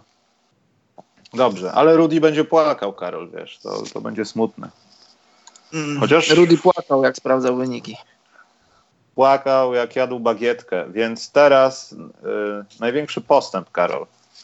Największy postęp. Tutaj też mam dwóch zawodników. Y, Na początku już nie pamiętam kogo miałem, Siakama chyba. Y, Później przez dużą część sezonu miałem Buddy'ego Hilda, a teraz mam Buddy Hield łamany przez D'Angelo Russell i zastanawiam się, zastanawiam się, którego z nich wybrać. Nie. A, D'Angelo Russell, tak jak ludzie mnie tutaj opieprzyli za rozmowę, czy to Young grał. Young 2-3 miesiące miał świetne, więc nie miesiąc. Poza tym cieszcie się, że nie rozmawiamy, dlaczego De- DeAndre Ayton jednak powinien dostać tą nagrodę, bo bym zwymiotował. Bo hipotetycznie też można byłoby opowiadać. No grał w tym Phoenix, ma 80 lat, ale ma wbite inaczej tam w dowód. Także no, cieszcie, się, cieszcie się, że do tego nie doszło. E, Dobrze, Karol, więc kogo? Bo ja też, wiesz co, u mnie Siakam, ale zawsze dawałem Badiego Hilda przez cały sezon, bo jakoś y, zaimponowało mi to, co robił. I to, co w ogóle w Sacramento się stało w tym sezonie. No ale Sacramento nie ma w playoffach i chociażby z tego powodu e, chyba Pascal Siakam powinien dostać tą nagrodę. Jest Jakama ja wyróżniam, ale Jakamowi nie daję nagrody, bo Ja nie dam Russellowi, to nigdy. możesz mu nie dać. Słuchaj, No, ale musimy jednego dać, także dla mnie jest to bardzo twardy orzech do zgryzienia, dlatego że mówiłem już kilka razy, ja Siakama obserwowałem od samego początku. Miałem okazję na żywo go widzieć w, w drugim miesiącu rozgrywek, kiedy był, był debiutantem i już wtedy bardzo mi się podobał. I ten rozwój, jaki, jaki poczynił od 4 punktów na mecz do 17, 10 punktów różnicy w porównaniu z tym sezonem a poprzednim. Tylko, że rzecz jest taka, Siakam przede wszystkim dostał duże szanse na grę.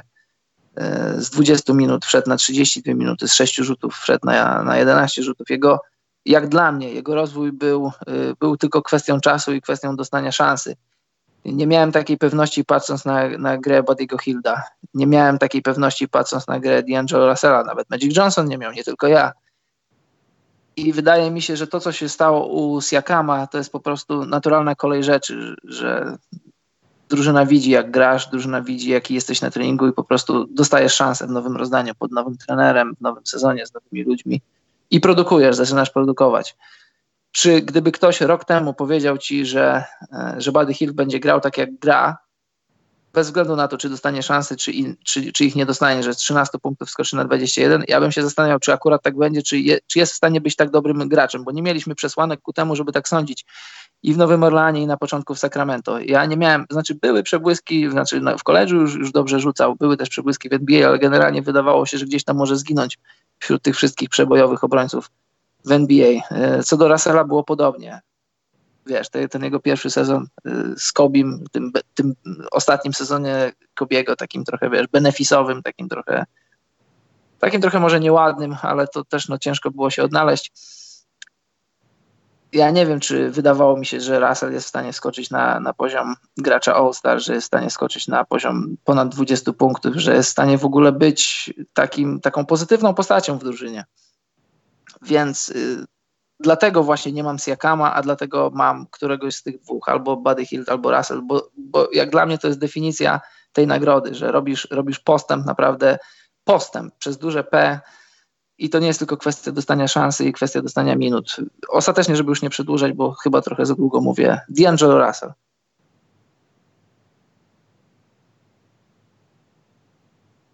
Nie, Karol, D'Angelo Russell w tym podcaście nagrody pozytywnej nie dostanie. To, to Od ciebie nie, ode mnie no, dostanie. Nie, my przyznajemy jedną, więc sorry. No. Buddy Hilt, to, to ja mogę się schylić, bo w sumie Pascal Siakam gra przy Lenardzie. Nie schylaj się, bo... A. Bo Kristaps... Ale on, że to kobieta miała chyba żal, nie ma do niego, a nie facet, Ja nie? tam nie wiem, ja tam nie wiem. Dwight Howard to byłby problem. No ale cóż, e, on też ma problemy różne. But, e, Karol, chciałem powiedzieć, że nie, Buddy Hilt mi może bardziej pasować przez to, że jest Fox, jest Hilt, ale nie masz masy gości, którzy są koło ciebie, tak jak jest w Toronto, wiesz. Lowry i Leonard to nie są goście, którzy są w Sacramento teraz. Więc łatwiej grać pod skrzydłami takich ludzi. Wiadomo, to jest nie ta pozycja, ale pewnie się czujesz, wiesz, oddają ci piłkę, masz więcej zaufania. E, Nick Nurse widział go od jakiegoś czasu. On nie usłyszał od scoutów, tylko jak był asystentem, no to miał szansę z nim pracować. Więc też mógł widzieć określone rzeczy, które nie wyszły na światło dzienne z powodu, no nie wiem, jego rozwoju, cokolwiek na niektóre rzeczy no, trzeba ale, po prostu czasu i treningu. Tak, ale no jasne, ale bardzo podobną, żeby nie powiedzieć identyczną sytuację masz na Brooklynie. Masz, masz Russella, który dostał zielone światło na to, żeby być liderem, ale poza tym nie masz jakichś tam rewelacyjnych zawodników. Masz, masz bardzo solidnych zawodników, których ja lubię i bardzo cenię. Masz Dinwidiego, Harrisa, Leverta, Karola, mojego imiennika, Jareta Allena, ale ale tam jest tak, jak samo, tak samo jak w Sacramento. Nie masz, nie masz takich gości, na których możesz patrzeć, na których się wzorować. Wzor, nie, no to dlatego z Jakama możemy wykreślić zrównania, no ale Buddy Tak, Hill, tak, jasne, jasne. Buddy Hill jest lepszy od D'Angelo Russella. D'Angelo Russella, sorry. No właśnie nie wiem, czy jest lepszy. Jest lepszy, dlatego Karol, ja mu przyznaję tą nagrodę. D'Angelo został że... All-Starem. Dobra, wiesz co, nie interesuje mnie to kompletnie. Przejmuję. Ja Są... No to ja możesz sobie mieć, ale oficjalnie TISO podcast specjalny Awards yy, napiszemy. To daj Buddy Hilt i gwiazdka, a ta gwiazdka to będzie, że ja miałem innego. Ale poczekaj, bo nie, może jednak masz rację. Nie wiem, czy mam rację, ale ja, słuchaj, jeżeli, jeżeli gdyby prawdziwą nagrodę wygrał Buddy Hill, bardzo bym się cieszył, bo lubię takie historie. Zawodnik, który w zasadzie jedną nogą już był poza NBA, do NBA wrócił bez problemu i wszedł naprawdę na poziom, który gdyby grał na wschodzie, mógłby się ocierać o konwersację o All-Star, więc ja, ja, nie mam żadnego problemu, gdyby Buddy Hill to wygrał. Ja stawiam na Russella ale... Russell kolegą Karola. Kolega Karola napiszemy. Dobrze. I teraz wszystko jasne. Ja nie, ja nie biorę za to odpowiedzialności. Buddy Hill się z nami zdenerwuje. Umywasz rączki na piłacie. Nie, znaczy ja rozumiem, że to faktycznie jest problem. I to też jest tak, że no, Brooklyn jest w playoffach, Sacramento nie. Ale wiesz, fajnie mieć taki problem, bo jest o czym porozmawiać. I, i, i gdyby to było takie proste, że wybierasz jednego gościa i nie masz o czym dyskutować. Tu masz o czym dyskutować i masz argumenty za jednym i za drugim. I to jest fajne. Dobrze, Karol, to zrobimy tak. E, to jest jedyna podwójna nagroda, jaką przyznamy w tym sezonie. Raczej tak. Już nie masz prawa robić podwójnej. Chyba, że zdejmiesz D'Angelo Russella i tam dasz y, następną, bo mamy dwie kategorie tylko i szósty gracz. Ja to już myślę, myślę, że tu już na końcu, na, na finiszu tych nagród mamy podobne zdanie. Lou Williams i i kropka. Nie wiem, czy muszę coś Właśnie, dodawać. ale takie honorowe wspomnienie, tłumacząc A honorowe wspomnienie oczywiście, musimy z angielskiego, no to Derrick Rose moim zdaniem. Oczywiście, no jasne, trzeba wspomnieć.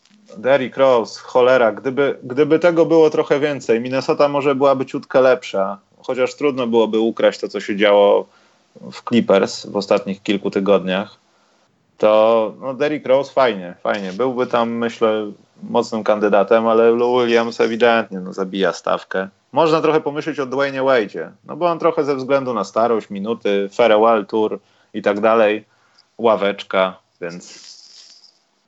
No w kontekście tego ostatniego tańca to może i tak, ale tak sportowo no to yy, no jest przepaść między, ja, ja uważam, że jest przepaść, może nie jakaś wielka przepaść, może nie taka jak, jak gdzieś tam, ale między Lou Williamsem a kolejnym kandydatem do tej nagrody to jednak no moim zdaniem nawet nie ma dyskusji między Lou Williamsem a Wade'em. Wade'a oczywiście mogę wspomnieć, mogę wyróżnić, ale Lou Williams wchodzi i produkuje. Jego nie, jego nie interesuje, czy gra przeciwko Warriors, czy gra przeciwko Bucks, czy to jest pierwsza obrona w NBA, czy druga, czy trzecia, czy czwarta. On wchodzi i zazwyczaj znajduje miejsce, znajduje miejsce i znajduje drogę do kosza fantastycznie się go ogląda. W ogóle jego technika, jego, jego praca nóg, jego sposób, w, jak, w jaki znajduje drogę do kosza, jak oddaje rzuty. Dla mnie to jest poezja koszykówki. I no poezja dobrze. koszykówki, która nie idzie w kosmos, bo, bo Clippersi grają w playoffach. Clippersi mają 47 wygranych. I to jest, jak dla mnie, to jest, to jest taki pozytywny, delikatny szok tego sezonu, że są tak dobrzy w Clippers Montrezl Harrell miał też kupę czasu, taką chyba dalej ma więcej rozegranych meczy z ławki tak, niż jego też wyróżnić trzeba, na pewno, na pewno wyróżnić go trzeba i to nawet do nagrody dla gościa, który największy postępy też trzeba go wyróżnić. No, też mi się wydaje, że to jest warte wspomnienia. Jeszcze kilku byśmy takich ludzi znaleźli. Nie, o, nie wiem, pewno. Joe Harris wchodzi w piątce Brooklynu, czy wychodzi z ławki? Zazwyczaj wchodzi w piątce. To nie ale może ktoś z Brooklynu był taki? Nie pamiętam, przeglądałem ostatnio to, ale Dean Weedy, Dean Weedy miał takie okresy, że grał w piątce, ale też chyba więcej meczów ma z ławki.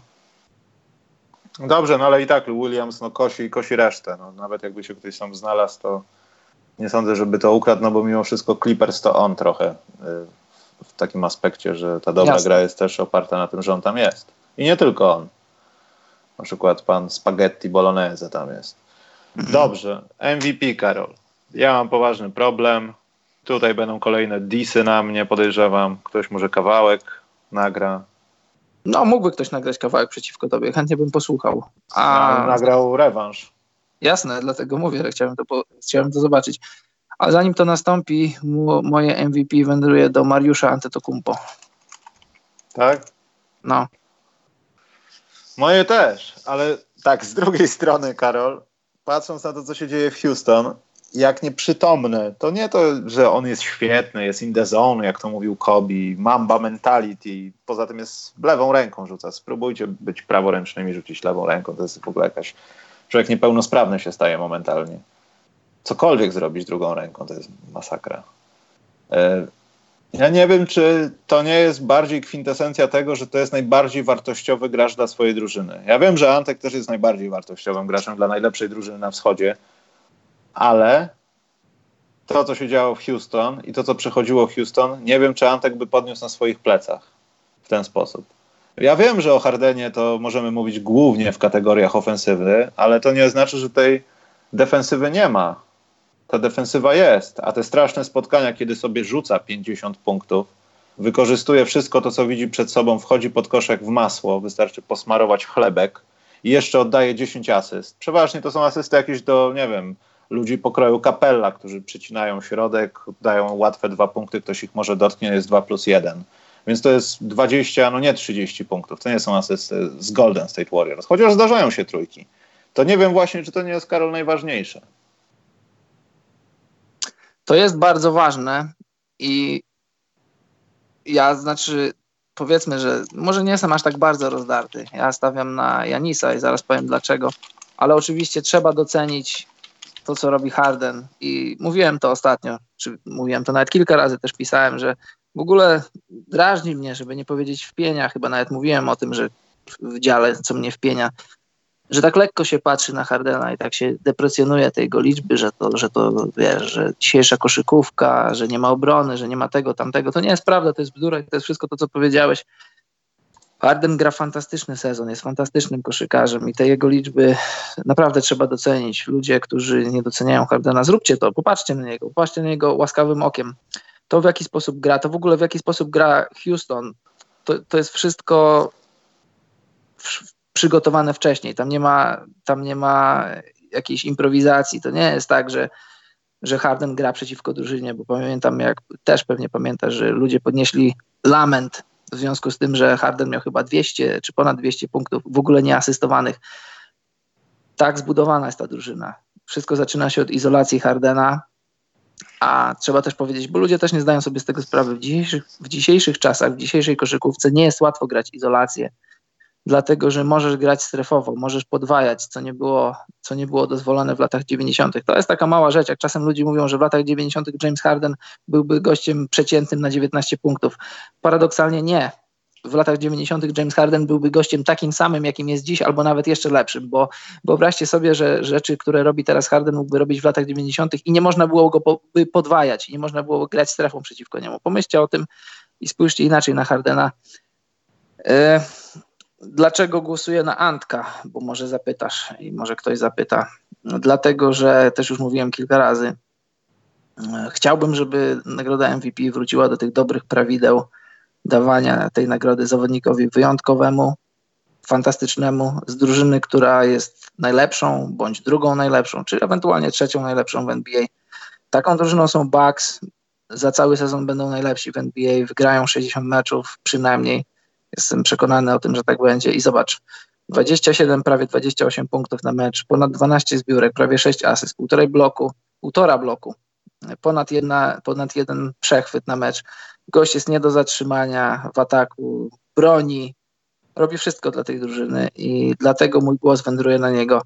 Harden nie jest tak słaby w obronie, jak się mówi, ale też trzeba pamiętać i trzeba to widzieć, trzeba o tym wiedzieć. Harden odpuszcza sobie w obronie. Harden ma zielone światło na to, żeby to robić, bo ma kapelę za sobą, ma PJ'a Tuckera, ma innych gości, którzy harują za niego, bo Harden ma być, Harden przede wszystkim ma być świeży i wypoczęty na atak, ma atakować i zdobywać punkty. Jest zwolniony z obrony.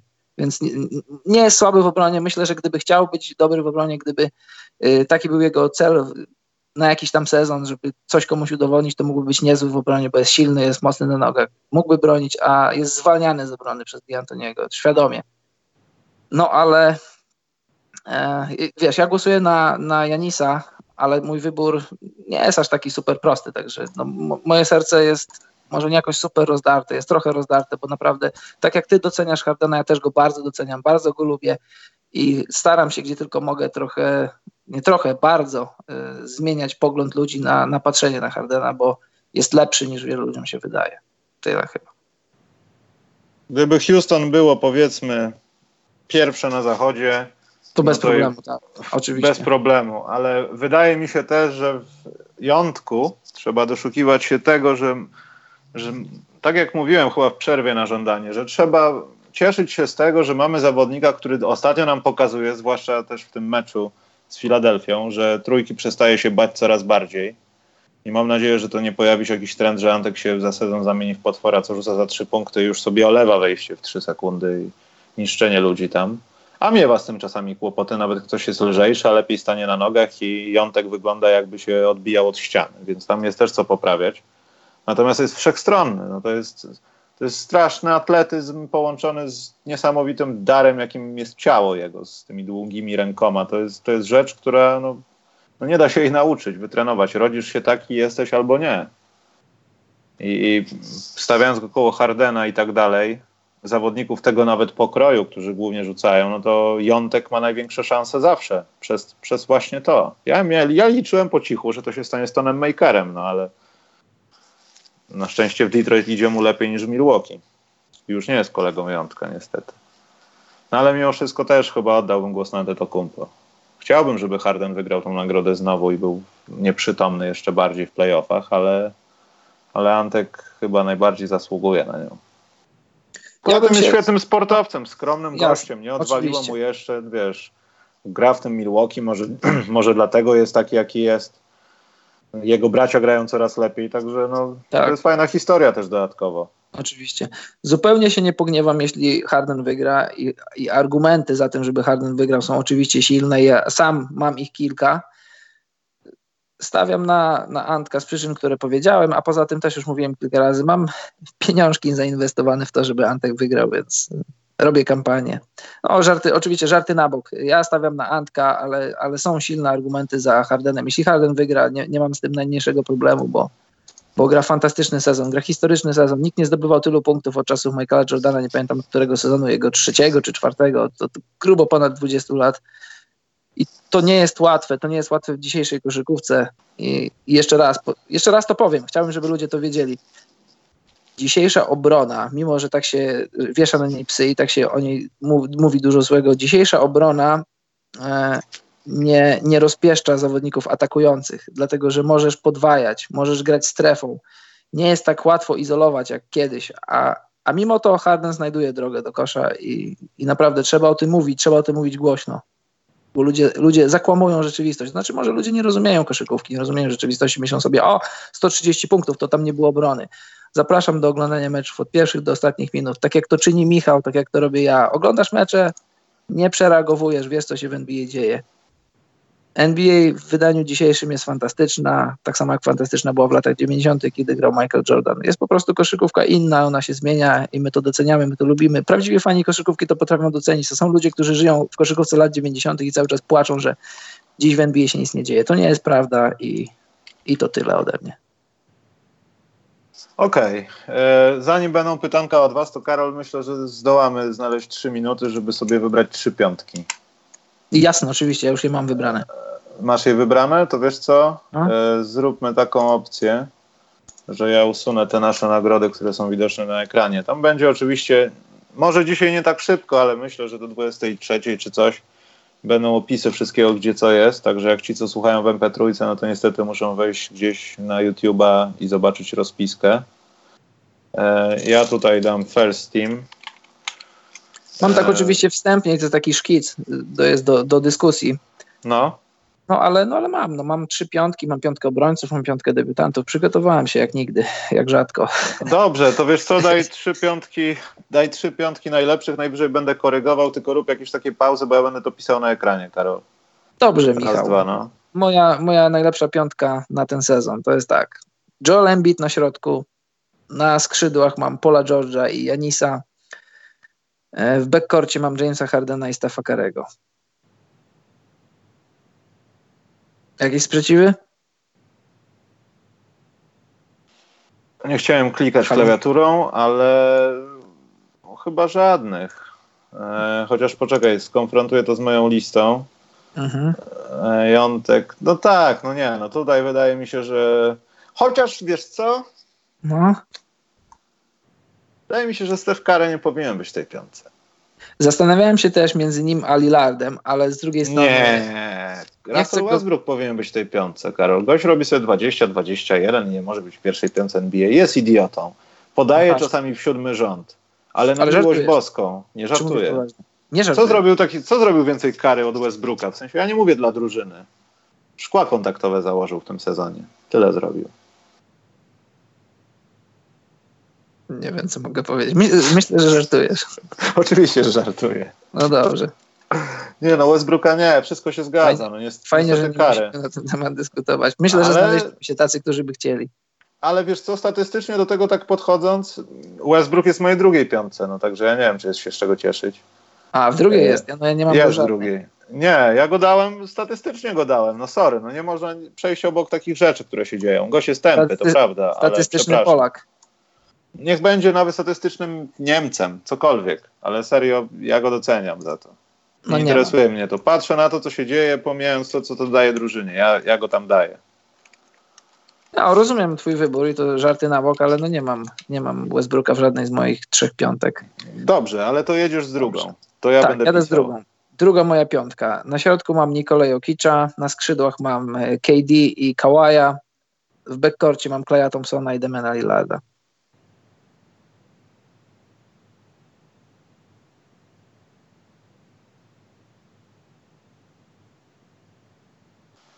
No ja, Karol, powiem Ci, że mam tak samo, tylko zamiast yy, Thompsona ja mam yy, Westbrooka ja go napiszę tu w nawiasie.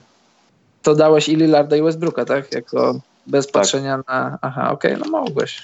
Nie, no ja nie patrzyłem na to, wiesz? Miałem to gdzieś, że oni będą w realnym świecie. Dobrze, dobrze. Nie, nie, nie. Nie ma problemu. Poczekaj, muszę to zmniejszyć, bo mimo wszystko jest za duże. O. E, dobrze. I w takim układzie jedź z trzecią, ja będę pisał.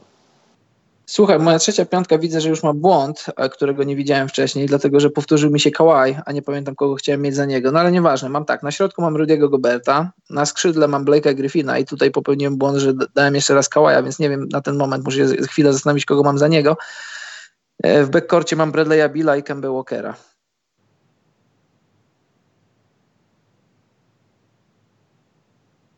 E, to ja mam e, te X-y, to jest ten twój zawodnik. Mhm. E, ja nie miałem żadnego kłopotu z Blake'iem Griffinem. Ja to, to, co to powiedziałem o Detroit, to powiedziałem, ale to nie znaczy, że nie podoba mi się jak gra. Dramond też gra dobrze. Dalej utwierdzam, że dalej już tam nic nie ma. I zastanawiam się, Karol, czy ja wiem, teraz mogą pęknąć pęc, bądź coś innego może się stać z odsłuchami, ale nie wiem, czy ja bym tam nie dał Lebrona Jamesa. A już wiem właśnie, tak, mam Lebrona. Tak, tak. Tak? To nie jest wstyd? Nie, no jasne. Nie, to nie jest wstyd. No. LBJ, dobrze, myślałem, że plama będzie. Natomiast zamiast Billa, Karol, ja mam e, Kyriego. Eee, no możesz mieć. I w mojej trójce wypadłby na pewno Thompson i niestety wypadłby Anthony Davis. Właśnie teraz zauważyłem, że to też byłby dla mnie problematyczny wybór. Tak, no ja Antonego Davisa, tak już powiedziałem, skasowałem go. Jeśli on, jeśli on się wypina na sezon, na NBA, na kibiców, na wszystko, to ja się wypinam na niego. Mm, tak to Bo gdyby, wygląda. bo, bo gdyby nie historia i w- tych jego perypetii z odchodzeniem i gadaniem głupot, no to oczywiście tak sportowo, czysto z parkietu, za to, co robił do powiedzmy stycznia, no to, to jest dyskusja między pierwszą a drugą piątką. Wszystkiego, we wszystkim. E, ten, Damian, nie mogłem tak zrobić, bo mi się tu rozjechałoby. Ale w następnym poprawie. Ale tak jest okej, daj spokój, jest okej. Jest ekstra. No ja wiem, że powinien być, ale Bill, no nie wiem, według mojego uznania, według twojego powinien być, według mojego nie, bo mimo wszystko uważam, że może Irving więcej dobrych rzeczy zrobił. Ale z Billem też mógłbym mieć kłopot, no, czy bym go chciał wyrzucić. Może bym chciał go mniej wyrzucić na pewno niż Thompsona, bo jakoś Thompsona nie widzę. Może w trzeciej piątce, ale w drugiej go nie widzę kompletnie. Nie no, Thompson niestety jest niedoceniany za to, że no, po części, że gra No ale gra gdzie tak gra, więc Nie, no właśnie o to chodzi, tak, że ciężko jest go- ciężko jest go ocenić i ciężko powiedzieć, jak grałby na przykład w takim Waszyngtonie yy, w miejscu Billa, jak Bill grałby w Warriors. No tego nie wiemy, ale też trzeba patrzeć, że do tych swoich ponad 20 punktów dokłada dzień w dzień, wieczór w wieczór obronę na najlepszych jedynkach, czy dwójkach, czy nawet trójkach rywali i, i to też trzeba docenić. I, Kurde, też faktycznie Donovan Mitchell. Ja O, no właśnie, myślałem, ale, on, ale on mi, wyrzucili mi inni. No Griffina bym wtedy gdzieś nie dał, czy coś. Mitchell Lebrona jasne, Jamesa tylko bym pytanie- nie dał. tylko właśnie pytanie, gdzie go wciskasz? No ja też myślałem o Mitchell. Ja w Ty, zamiast myślałem o Lebrona można go dać. Ja bym go wpisał, Nie. niech chłop ma. Tak. Nie, ale Obok przede wszystkim za, miał, miał słaby początek sezonu. Pierwszą część sezonu miał słabą. Poza tym, poza tym Nie, no, jest, jest, jest w orbicie zawodników, których, o których myślałem i gdzieś tam miałem, ale teraz patrzę na swoje trzy piątki i kogo mam wyrzucić, żeby wrzucić Michela. No, Mitchell, Mitchell gra coraz lepiej z tygodnia na tydzień. Życzę mu wszystkiego dobrego w playoffach, ale w przekroju całego sezonu nie był wśród 15 najlepszych koszykarzy NBA. Tak na to patrzmy. Dobrze. Niech tak będzie. Poczekaj, bo się tu zagmatwałem. Eee, do czwartej piątki, właśnie, może cztery piątki zrobimy, ale to wtedy trzeba będzie piątą zrobić. Gdzieś w końcu no musi się znaleźć Zach Lawin. Jak docierasz do Zaka Lawina, to znaczy, że to są takie pokłady już, wiesz, płaszcza ziemi. Nie kop dalej, już, bo już tam jest wodorosty, wodorosty, no, muł. Szatan wychodzi, takie rzeczy. Jeszcze jakbyśmy Boylena dali do trenera roku, to, to już możemy dobrowolnie napisać na siebie do prokuratury. Dobrowolnie. Dobrze, Karol, pytanka jakieś i idziemy, bo to już jest 90 minut i to przestało być żarty. To już przestało no. być śmieszne. To już przestało być śmieszne. Pokłóciliśmy się o Trey Younga. Patrz, mówimy tak, bo zaczęło się od tego, tu nie ma dyskusji, bo tu jest Luka Doncic, a jednak jest dyskusja. No jest dyskusja, bo uważam, że gdyby ten głupi Young nie, nie zgapił albo wcześniej by się odbił od dna, byłoby jeszcze ciekawiej. Natomiast w większym, w większym aspekcie czasu myślę, że to nie jest tak, że tylko Doncic jest taki, że on oczaruje wszystkich. Trey Young właśnie może wychodząc z tego czegoś, że on jest takim trochę cieleśnie Iversonem mimo wszystko on nie powinien tych rzeczy robić, bo go powinni zabić, a mimo to robi to. To, to jest jakiś punkt, który się nadaje do szacunku, bo może będzie większym walczakiem niż Doncic, wiesz, jakiś nistek zabójcy, coś. No, a gdyby Kristaps z Nowym Jorku, a nieważne zresztą. A, no tak. Kristaps, ty się nie odkleisz, Karol, coś jest na rzeczy.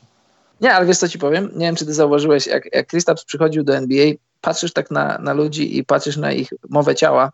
Kristaps był takim, no takim, wiesz, takim, no, łotyszem. Ale teraz jak patrzysz na niego, jest tak, jest, jest dobrze ubrany, dobrze uczesany, zmienił fryzurę i taki w ogóle ten jego look, takie spojrzenie jest taki więcej pewności siebie. Trochę inaczej wygląda niż Kristaps debiutant. Nie wiem, czy się ze mną zgodzisz. Ja nie pamiętam w jakim to filmie było, ale Kristaps mi się ostatnio kojarzy z takim synem bogatego ojca, który jest zagmatwany w jakieś sprawy, że wiesz, kogoś zabił, odciął głowę. Jest sprawa w sądzie, wszyscy wiedzą o tym, że on to zrobił, mimo wszystko go wspierają, bo to jest jakiś, wiesz, ważny gość w mieście i gówno mu zrobią. Takiego typa mi przypomina. Ale wiesz, to są tylko zdjęcia, no nie słyszałem żadnego jego wywiadu w zasadzie od takiego a, wideo czy... Zdziwiłbyś się, jakby wyszła wieść, że Kristaps zwozi martwych ludzi w bagażniku? Mm, to jest zastanawiające.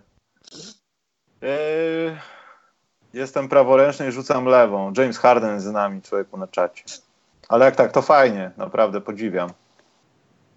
W ogóle rzucanie osobistych lewą ręką jeszcze da się ogarnąć, tak żeby to jakoś wyglądało i wpadało. Ale... A ty jesteś, Michał, ty jesteś, Michał, praworęczny. Są rzeczy, które robisz lewą ręką? Znaczy nie, no w kosza też mi się zdarza jakoś grać lewą ręką, w sensie robię rzeczy lewą ręką, natomiast no wiadomo, żeby no, tak ułożyć rękę tak samo, ale żeby tak samo z nadgarstka rzucić lewą nie, no ręką, no to ja sobie, wiesz, hipotetycznie mogę, ale to w meczu nie wpadnie, nie dorzucę. Nie, no jasne, to wiadomo, nie no jesteś praworęczny, rzucasz prawą, ale no, dobry koszykarz jest, jest oburęczny, potrafi skończyć layup, to wiadomo, kozłować też, ale chodzi mi o to, czy jakieś rzeczy takie no, życiowe robisz lewą ręką, a jesteś praworęczny. Nie, wiesz co, chyba nie. A ja na przykład słoiki otwieram lewą. A to nie, no to takie rzeczy to mi się zdarza, no wiadomo, która lepszy chwyt będzie miała. Ale właśnie. No, żeby zawsze, napisać coś lewą, no to zapomnij. Zawsze słoiki otwieram lewą ręką i, nie chodzi, czy mam lepszy chwyt, czy mocniejszy, bo wydaje mi się, że w prawie mam mocniejszy, bo jestem praworęczny, ale nie wyobrażam sobie otwierać słoika prawą ręką. Otwieram słoiki lewą ręką, nie wiem dlaczego. E, Paweł Gruchała zapytał mnie, czy palę papierosy. Owszem, niestety palę, ale jestem na etapie schodzenia w dół jest, jest dosyć nieciekawie momentami, ale... Ale, ale, ale tak, nie, znaczy nie, nie, nigdy nie było na okrągło w zasadzie, ale powiem ci, że to jest frustrujące, jak takie głupie papierosy mogą człowieka uzależnić. Straszne jest. Na szczęście nie duszę się, jak uda mi się gdzieś tam podbiec z piłeczką, także nie jest najgorzej. Niektórzy piszą prawą, a kamieniami rzucają lewą. No, zdarzało się. A, Purple Rainfin powiedział, czy zrobimy kiedyś takie złote maliny, Karol, że będą odwrócone nagrody. To możemy Widziałem. zrobić niedługo. Bardzo, możemy bardzo ciekawy temat, tak, możemy. Możemy zrobić najgorszych takich już kompletnie. Gdyby tak zmodyfikować rozgrywki i druga szesnastka po zakończeniu RS grałaby na takiej samej zasadzie PO jedynkę w drafcie, tak żeby przestać nagradzać najgorszych z wyboru, liga może by się wyrównała. No ale kiedyś to podnosiłem, nie pamiętam, albo ja, albo Przemek w przerwie na żądanie jako taki sposób, co mogłoby być. Natomiast to by się chyba finansowo nie zlepiło, bo wtedy NBA by serio trwała cały rok i ci goście by w ogóle nie odpoczywali. A też nie oszukujmy się, no, te drużyny, które nie awansują do playoffów, no to dla tych zawodników to jest, to jest okazja, żeby odpocząć w końcu i przynajmniej wcześniej zacząć trenować w jakichś tam specyficznych przypadkach. Tak, to jest jedna rzecz. A druga rzecz jest taka, że zawodnicy nie poszliby na to, yy, na coś takiego. Nagrodą jest wylosowanie jedynki. To wiadomo, organizacje chętnie by chciały w czymś takim grać, ale ty, jako na przykład ja i Michał, jesteśmy koszykarzami drużyn A i B, słabych drużyn w NBA jeśli my wygramy taki turniej, zdobędziemy jedynkę, to potencjalnie ściągamy na siebie zawodnika, który zabierze nam pracę, wygryzie nas drużyny, więc to nie ma najmniejszego sensu. Dla zawodników nie ma to sensu i ciężko się zmotywować na coś takiego, że gramy o coś, o, gramy w rozgrywkach, w których nagrodą jest y, ściągnięcie sobie ludzi, którzy zabiorą ci pracę. To nie ma, nie ma, nie ma to sensu dla zawodników. Właśnie sobie, Karol, zmysłowiłem, że ty powiedziałeś do mnie, że ty masz no. pierwszą jakąś piątkę debiutantów. To, i, to naprawdę no. jaki sens jest mówić o piątce, jakich góra sześciu było dobrych, takich, co grali coś ciekawego. No, no ale mam. Bo już druga piątka to gruz jest, Karol, trochę. No. Tacy tak. zawodnicy po cztery punkty na mecz, grający po dwie minuty. To prawda. No to oczaruj mnie swoją pierwszą piątką. Jestem ciekaw, Karol. No. Na, na środku mam DeAndre Aytona.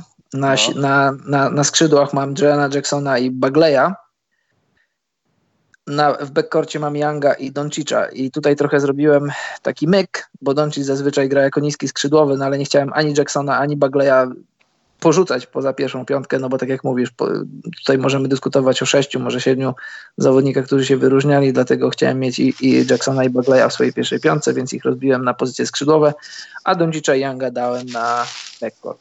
Tyle. Mhm. Czyli nie ma tam Alonso Triera. No niestety.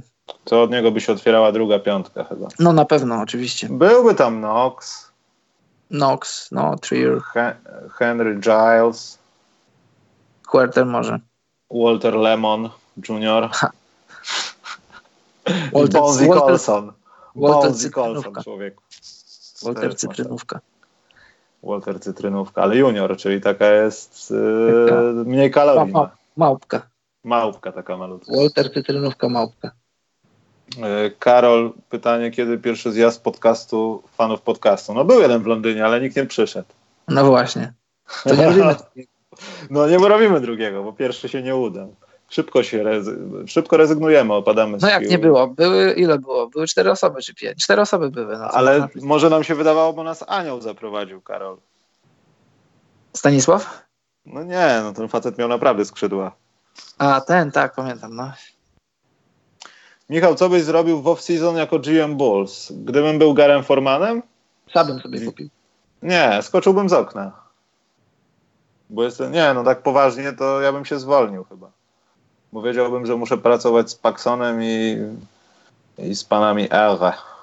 Także chyba, chyba nie. Nie, a tak poważnie to ja bym się zastanowił nad tym, czy mi jest Otto Porter potrzebny bardzo do gry, czy to jest dla mnie zawodnik perspektywiczny, czy po prostu taka sztabka złota w, na czarną godzinę w okienku transferowym w szufladzie, że mogę śmiało to wydać i sobie poprawić standard. Ja bym transferował. No, tylko kto weźmie te pieniążki? Ich no trochę no mnogo jest. No. Trochę mnogo. Yy, skoro nie ma żadnych świetnych pytanek, a taki dla biednych ze wsi? Ej. Co, co za pytanie? Nie wiem. Taki, że ja zrozumiałem sens, że taki, że w Polsce, że był zlot. Znowu nikt nie przyjdzie i będziemy z Karolem sami siedzieć. Tamten nasz pierwszy zjazd też nie był dla bogaczy, był dla wszystkich. No dokładnie, każdy kto był a że, a że sami bogacze byli, to już nie nasza sprawa. No, klub był nasz. No. Do 16. Dobrze. Yy, więc Karol, chyba zakończymy ten przecudowny podcast. To już jest Michał, masz te koszulki dla dzieci? Znaczy martwi mnie w tym zwrocie najbardziej słowo te, bo to znaczy jakbym wspominał o jakichś koszulkach dla dzieci. No wspominałeś, że kupiłeś sobie koszulkę OKC, a była w rozmiarze dziecięcym. No to jest ona jedna jakby, gdzie tu jest liczba mnoga. No nie łap człowieka ze słowa. Eee, Pytanie, dobrze, masz czy nie masz? Nie nie, mam, mam jedno. A jeśli chodzi o koszulki podcastu specjalnego, to chyba nie mam w dziecięcych e, rozmiarach. A szkoda.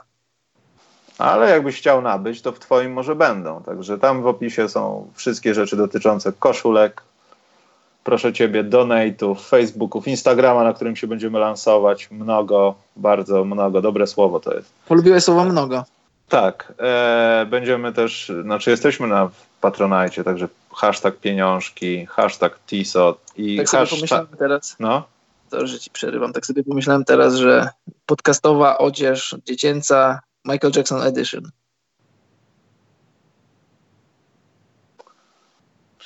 ja mam taki inny pomysł i jak to powiem, to ty już powiesz swoje zdanie i wyjdziemy. Dobrze.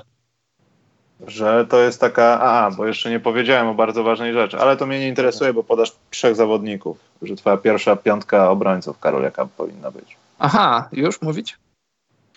Moja pierwsza piątka obrońców wygląda tak. Na środku Rudy Gobert, na skrzydłach Kawhi i Miles Turner. E, W backcourcie Paul George i Drew Holiday. Hmm.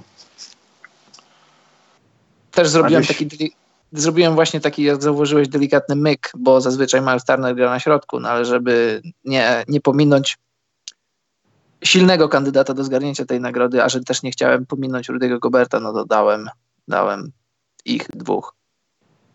Tak jak dałem. Aha. No, ja bym się zastanawiał, gdzie byłby Avery Bradley w tym wszystkim, ale chyba by nie był tam. No chyba by nie był, no bo raz, że, no raz, że no przede wszystkim za mało meczów zagrał. No, dokładnie, ale a dwa, no musiałbyś kogoś wygryźć z backcourtu Paula George'a czy, czy Drew Holiday'a. No wprawdzie, wprawdzie Paul George gra na pozycji niskiego skrzydłowego, no ale też y, Kałaja chyba nie pominiesz. I, No no nie. tak trochę prawem, prawem przesunięcia trochę pozycji, bo zarówno i Milesa Turnera mam poza pozycją i Paula George'a trochę poza pozycją, ale moim zdaniem to jest, to jest najlepsza piątka obrońców w Mm. NBA. Tak mi się wydaje. E, Dobrze, to ja opowiem o tej linii. Już Karol uważam, że już są takie rzeczy, bo to są takie, e, takie piżamy z, takim, z taką klapą wycinaną z tyłu. Aha, no to dobrze. No to dziękujemy za dziś. Dobranoc, mili ludzie.